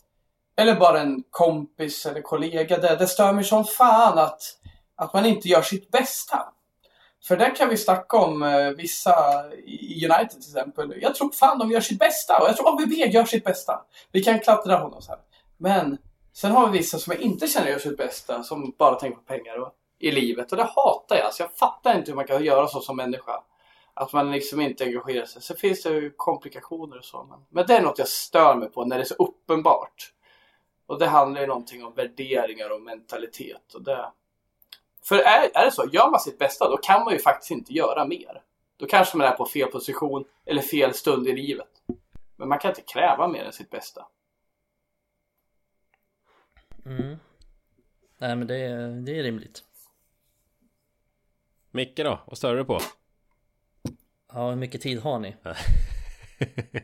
Alltid i världen säger Adam Ingen lyssnar Ja det, det sa han Adam Ingen visst. kommer jag ha lyssnat så här långt så det är ingen fara Nej, ser men det är, det, är, det skitsamma, jag kan säga precis vad jag vill Utan att bli cancelled eh, Nej men eh, framförallt det är, det är ju olika liksom från tidigare Just nu skulle jag väl säga att det Stör mig på Jag har svårt för folk som skryter om sig själva eh, Jag har ett projekt där när jag, jag håller på och läser Bibeln och håller även på med litteraturhistoria med en av mina klasser Eh, Och då kommer man ju osökt in på synder och på medeltiden och liksom det kristna samhället. Eh, Och då är högmod en sån enorm synd. Eh, Så det stör mig mycket på. Folk som tror mycket om sig själva är odrägliga, som är stolta över allting liksom. Hela tiden ska lyfta upp sig själva och hur stolta de är över sig själva. Eh, Det kan jag störa mig på. Folk som, som inte är ödmjuka inför saker. Eh, Men en mer lättsam egenskap jag stör mig på är folk som lånar saker och inte lämnar tillbaka det. Eh, det är, fan det stör jag mig på. Det är en form av respektlöshet och även brist på tacksamhet tycker jag. Eh, Om någon lånar ut något till dig så ska du vara tacksam. Jag hatar folk som inte är det. Som tar, som tar saker för givet, som tar människor för givet. Ja. Det är enormt svårt för. Ja, bra sagt Måste Ja, men det är som du säger, det finns många bottnar i det där. Eh, man hatar ju när man gör någonting för en god sak. Lite utan anspråk. Och sen får man liksom skit tillbaka. Det är sånt hatar jag liksom där, den här disrespekten. Vet du vad? Jag kan hjälpa dig. Det kostar ingenting. Jag bara gör det. Och sen får man liksom en kula tillbaka. Det, det, sådär Ja. hatar jag. Och det, det är liksom... Det handlar också någonstans om hur man värderar saker. Att man tror att man äger världen. Ja, Då men är det inte exakt, så viktigt ju att ge vara, tillbaka något. exakt, men det kan ju vara små saker som att man håller upp en dörr för någon och så säger de ingenting. Ja. Eller att man liksom är, det är ju lite samma personer tror jag som är otrevlig mot servicepersonal och, Mm. och så vidare. och så vidare. Det hör ju ihop lite. Men det är någon så här brist på respekt och att man inte visar tacksamhet för saker folk gör åt en. Det kan jag störa mig på. Det tycker jag leder osökt in på nästa i så fall om vi brassar vidare här. Där kom brassar. Vilken egenskap uppskattar Vilken egenskap uppskattar du mest hos människor? Och det tycker jag eh, Ni var inne och touchade på det lite. Eh, Alltså omtänksamhet tycker jag är Det är stort hos människor. Det älskar jag när folk liksom Ja, ja det är fint. Ja, alltså du är inne på att bara hålla upp en dörr till någon. Det är en jättefin liten gest som kan betyda väldigt mycket för någon. Bara vara trevlig och omtänksam mot allt och alla. Kommer vi långt på om alla hade varit det i världen. Ja, verkligen. Nej, Ja. jag har också någonting sånt. Eh, folk som är, som är lyhörda, faktiskt lyssnar på vad man säger. Eh, det uppskattar jag väldigt mycket hos, hos folk. Eh, jag har faktiskt en eh, så här, kort anekdot om det. Jag berättade något för en kollega för Alltså flera veckor sedan. Alltså inget viktigt, typ en anekdot om något. Jag kommer inte så vad det var. Eh, sen återkom hon för någon dag sedan bara och sa bara jag har tänkt mycket på det du sa om det där. Alltså sånt gillar jag. När någon verkligen har lyssnat på vad man har sagt och, och liksom kan plocka upp sådana bollar. Folk som är lyhörda och, och eh, ja, men lyssna på vad man säger helt enkelt. Det tycker jag är snyggt, respektfullt. Det är en fantastisk egenskap för det är ganska sällsynt idag. Mm. Håller med. Är Nej, men känner också det. Det, det händer sällan. Jag har en kompis som heter Oskar som jag säger är helt fantastisk på att lyssna och jag fattar inte hur han är så. Men han är bara genuint intresserad. Jag kan prata om vad som helst och han bara fastnar i det. Liksom många, jag förväntar mig nästan att han ska zona ut men han gör inte det. Och det, det tycker jag är så jävla fin egenskap och varför jag uppskattar honom så mycket. Mm. Sådana blir alltid älskade liksom. Jag har också en sån Ja. kompis som är så sjukt, alltså Han kan bara sitta i timmar och lyssna på saker om mitt jobb, typ Sitta Mm. bara så här 10 000 följdfrågor, ja men fan vad händer då? Okej, hur gör man det? Hur löser man den situationen då? Mm. Så jag gillar det också, jävligt snyggt Sådana blir alltid populära Ja, verkligen. Håller med. Adam, vilken är din bästa egenskap? Men- Men, men något jag älskar i, i liksom så här föreningsliv eller jobbet eller om vi ser på Redom i Sverige eller ja, allt jag är involverad i, i, i, i, i mitt liv liksom, så när jag hör eller ser rent fysiskt engagemang från folk där det liksom brinner till i ögonen, att man visar passion och man, man går igång och sådär och man verkligen eh, Ja men det går jag igång på, det ger mig energi och, och det, det, det uppskattar så fan att folk engagerar sig. Så Det är väl lite det också tvärtom att jag gillar ju inte, det går ju lite hand i hand. Men jag märker att någon verkligen engagerar sig i saker. Så sambon, jag kan bara sitta och liksom drömma bort hur fantastisk människa jag hittar i mitt liv som liksom engagerar sig i sin farmor eller sin, sina barn eller sitt jobb när hon ska bli lärare. Jag känner att världen kommer bli en bättre plats med henne som lärare. Eller jag ser mina kollegor liksom eh, eh tekniker X som är 21 eller projektledare Y som är 51. Se dem engagerade, det ger mig så jävla mycket energi och det tycker jag är så kul för det är det vi behöver. Om alla engagerar sig i allting kommer allt bli bättre. Och, och det, det liksom ger mig sån jävla eld. Jag hade idag en dialog med en som bara gav mig input. Så gav jag feedback och så pratade vi om något inom vårt skrå där vi jobbar. Och liksom, jag kände mig så jävla trött innan och sen efter var jag så jävla pigg. Jag liksom ville bara ut i krig. Liksom. Nej, men det, det är så fantastiskt att se när folk engagerar sig. Det är kul att prata med Mikael i telefon från jobb i Nyköping. Fan, vi ska göra det här nu. Fan vad kul att vi växer där och att vi gör det. Och liksom, ja, men jag vill bara ut och skriva artiklar eller prata med någon på kollega på jobbet och hjälpa våra kunder. Jag älskar sånt och engagemang alltså. Det, det, ja, ni vet hur jag är. Jag är ju känslor och passion. Får jag känslor då ger jag känslor. Liksom. Mm.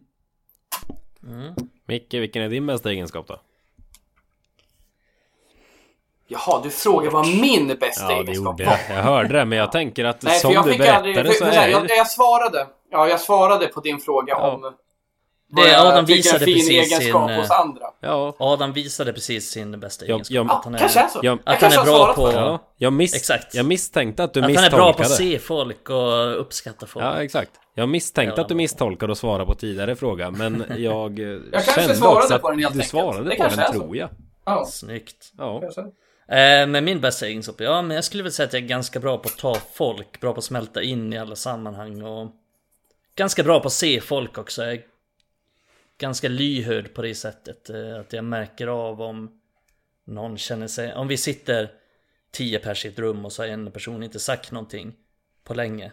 Då är jag rätt bra på att uppmärksamma det och kanske få in den personen i konversationen och kan ta upp det och märker av sånt. Alltså jag ser folk, eh, bra på att se folk i rummet och, och så. Så det skulle jag väl säga kanske är min bästa egenskap. Också en bra egenskap i form av lärare, tänker jag.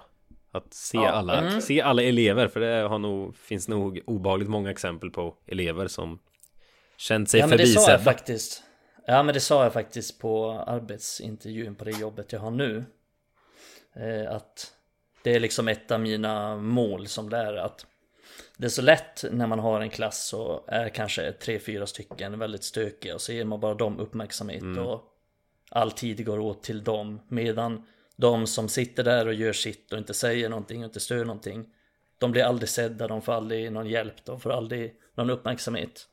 Eh, så det är ett av mina, ett av mina mål som lärare att plocka upp dem och få dem att känna sig sedda och viktiga också.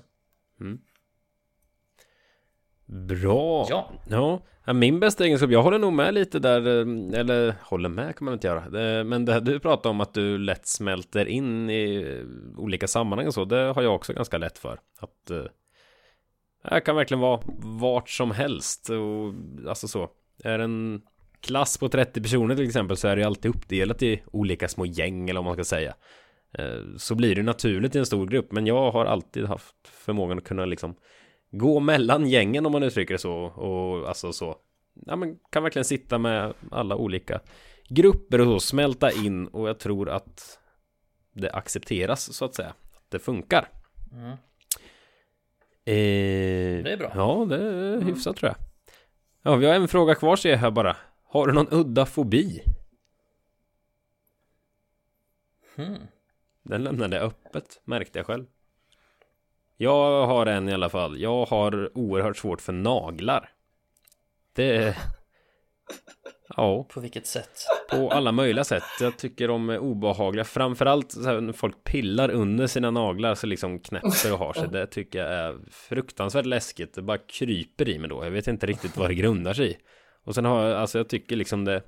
Jag blir lite rädd för långa naglar så. Även om det är så här jättefint fixade naglar så. Jag tycker det är läskigt när de är för långa. Eh, nej, Alltså på tjejer också som har så Japp. här... jag, nej. Det, jag tycker det är otäckt. Jag vet inte varför. Ber om ursäkt om jag sårar någon, men jag, det, nej. Det är... Ni hör ju, den är lite udda. Jag kan inte svara på varför. Ja det är faktiskt. Det är bara, ja, det är. det kryper Den i är mig. jävligt udda är det. Japp. Eh, Men det är jag vackert ändå. Jag dig. vill att du yttrar det udda i dig. Ja, men det, Det gör vi. ja. Ja, eh, men jag ska ta min udda då. Eh, jag har ganska stor basilskräck. Jag kommer ihåg vi hade en, när jag var liten hemma hos mina föräldrar så hade vi en uppsättning glas hemma. Eh, då var det en kille som bodde i vårt kvarter som petade snor på de glasen en gång. Eh, och jag drack aldrig från ett sånt glas igen. Rörde det inte. Och det gör jag än idag. Om min eh, mamma råkar ställa fram den typen av glas på bordet så plockar jag undan det på en gång. Jag rör inte det. eh, så det, det är väl. Eh, och jag är väldigt beroende av handsprit och Hmm. till exempel en sån sak som jag skulle aldrig köpa kläder på loppis eller köpa en begagnad säng eller någonting sånt. Så jag har ganska stor basilskräck skulle jag säga. Det är väl Det, en av mina udda egenskaper. Det är väl inte udda att ha basilskräck kanske men min ja. är lite väl ibland. du kan vara Det med är i sjukt vad saker Outsiders. kan sätta sig på hjärnan sådär. Att att man liksom får som en jävla... eh, Ja men spärr liksom. Nej, det går inte att dricka de där glasen. Nej men jag tycker det är så jävla, just jag vet inte, så jävla äckligt bara. Så att jag vill inte röra det glaset, jag vill inte se det igen. Jag kan spinna vidare kort på det du sa där med att aldrig köpa något på loppis och så vidare. Ehm, där är jag också, men av en helt annan anledning. Jag och min sambo fick ju med oss vägglöss hem när vi var utomlands ett år. Jag har alltid tänkt att det är bara så här. Man är sunkig om man har vägglöss. Men eh, vi fick med det från ett fräscht hotell i Madrid. Eh, lyckades vi få med det hem. Och upptäckte det inte förrän några veckor senare de hade liksom utökat sig lite. Det är den värsta perioden i mitt liv. Jag har aldrig mått så dåligt. Det var fruktansvärt äckligt och vidrigt på alla sätt och vis. Man var tvungen att liksom tvätta Alternativt frysa Alla kläder och så vidare man äger och Åh, har. Alla textilier. Alltså det Nej, alltså jag har anhöriga som gått bort Så man ska inte säga att det är det värsta jag varit med om i hela mitt liv Men det var en fruktansvärd period. Sven, svensk problemen. Ja, men det är ju din, Problemen. Ja, det men alltså, efter det- subjektiva upplevelse. Ja men Jag alltså jag har sån fruktansvärd fobi efter det för sådana Alltså är jag på hotellrum Jag ställer inte Alltså jag lägger inte en enda väska i sängen. Jag har inte ett klädesplagg i sängen eller kring sängen. Alltså alltid en hård väska som jag håller stängd När jag inte ska vara där i alltså. Det har blivit Nej Har någon testat att ha vägglöss så Trauma. kommer ni förstå Ja det blivit ett trauma som liksom blivit en fobi på något vis Kanske inte en fobi men jag var bara tvungen att ta det Avstickarspåret Man kan ju lätt, eller det sprids ju ibland via att man köper något på second hand och så. Då det så jag kom in på det här, köper en gammal fåtölj där liksom bor ett gäng i och sen Sen har du det hemma hos dig. Nej, fruktansvärt är det. Adam då? Nej men jag har ju något så här. eh, Jag har inga fobier. Jag är ganska lätt sådär att. Ja men jag basilskräck. Det har blivit bättre. än- Alltså jag, jag är inte rädd för basiller. Man har tagit mer på allvar efter corona och så. Men mycket så här med mat. Säkert jävligt grisig. Jag äter liksom mat man kanske borde ha slängt liksom. Jag är väldigt enkel. Jag är väldigt bonde sådär. Men, men jag har inga fobier. Jag har varit rädd för ormar. Det är jag nu med. Men i somras simmade jag blev en jävla snok. Oh. Jag knäppte på näsan. Nej, det gjorde jag inte. Vi hade, ja, otäckt, men absolut. Inte fobi. Men Det- det enda jag kommer på om jag ska tänka det så här, det är att nej, jävlar vad det slår fan vidrigaste jag vet är eh, jag har alltid ätit allting men liksom på äldre dagar har jag liksom jag kan inte äta ostbågar. Fan vad äckligt det luktar. Det är så jävla Du kan vidrigt. inte ha fobi sen- mot ostbågar. Jo, ja, men, Jävla sjukaste fobin Nej, någonsin. ostbågar! Ja, Springer för förbi. Olvi i hyllan. Ja men ska vi se så, jag har inga fobier men liksom riskakor med. Nej för fan du får stänga den där jävla påsen säger jag. Det luktar fan här inne. Jag är så jävla känslig mot det där. Sen har jag en jävla barndomsminne när vi åkte på typ semester i, mot Öland. Och sen hade vi ingen AC i bilen. Sen drog farsan, jag har så jävla traumatiskt minne. Farsan drog igång jävla få bort de här myggen som fanns på den tiden. Kommer ihåg att det alltid var mycket jävla mygg på rutan på bilen. Med äcklig jävla doft av eh, spolarvätska. Och sen satt morsan och tryckte i sig eh, Ahlgrens bilar. Och allt det där, fy fan vad det luktar skit. Och jag känner doften av Ahlgrens bilar, spolarvätska och sen eh, jävligt varm Audi liksom. Och det gjorde att jag aldrig mer kunde äta Ahlgrens bilar. Så jag har mycket så skumma grejer. Jävlar ett jävla kalas jag var på när jag var liten. Jag tyckte det såg asgott ut med melon. Och sket i glassen men tog massa galenmelon och hårdflor och grejer. Och smak, och det smakar skit! Och jag vågar inte slänga det. För jag var på kalas och jag är uppväxt i en jävla farsa som växte upp på en bolag och du fan, äter fan upp det du tar. Och jag satt där och tvingade i mig, det smakar bajs. Och bara tvinga i mig. Och efter det, jag kan inte äta honungsmelon. Och galenmelon och allt sådär gult. Fy fan. Så jag har ju fått såna jävla traumatiska grejer. Så mat, som inte är så vanlig kanske är min fobi. Vi har ju inte några rädslor så. Tvärtom, jag är ganska enkel men galenmelon, Ahlgrens bilar, ostbågar och de här äckliga riskakorna. Det är det värsta jag vet. Fy fan. Äckligt det är. Ja. Vad är det som händer tänkte jag säga någonstans mitt under. Men Ja, det är så. Vi avslutar den. Ja, vi avslutar med det tror jag. Eh, vi får se om någon orkar lyssna så här länge. Kul i så fall, då har ni kanske fått lära känna oss lite bättre.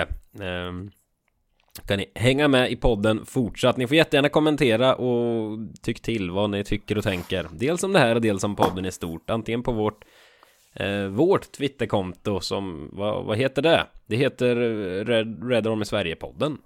Raspodden Ras. söker ni ja, på Raspodden på Twitter. kan man söka på också. Man får upp. Enormt tacksamma för era bidrag med de här frågorna. Jättekul och fortsätt med det liksom. Verkligen. Mm, bra, bra fråga. Ja. Och sen mm. finns vi på Facebook också såklart om det är någon som har missat det. Och Instagram med för den delen. Ni får kommentera och härja vart ni vill eller hör av er direkt till oss också. Det går jättebra. Vi eh, kommer med ett nytt avsnitt någon gång nästa vecka. Då blir det lite inför eh, Manchester-derbyt som stundar. Eh, så får vi se lite vad det blir mer än det. Det återkommer vi till. Tack för ikväll pojkar så hörs vi och alla lyssnare. Vi hörs också. Ha det gott. Hej hej! Hej då. Hej! Prassa på med kanonerna.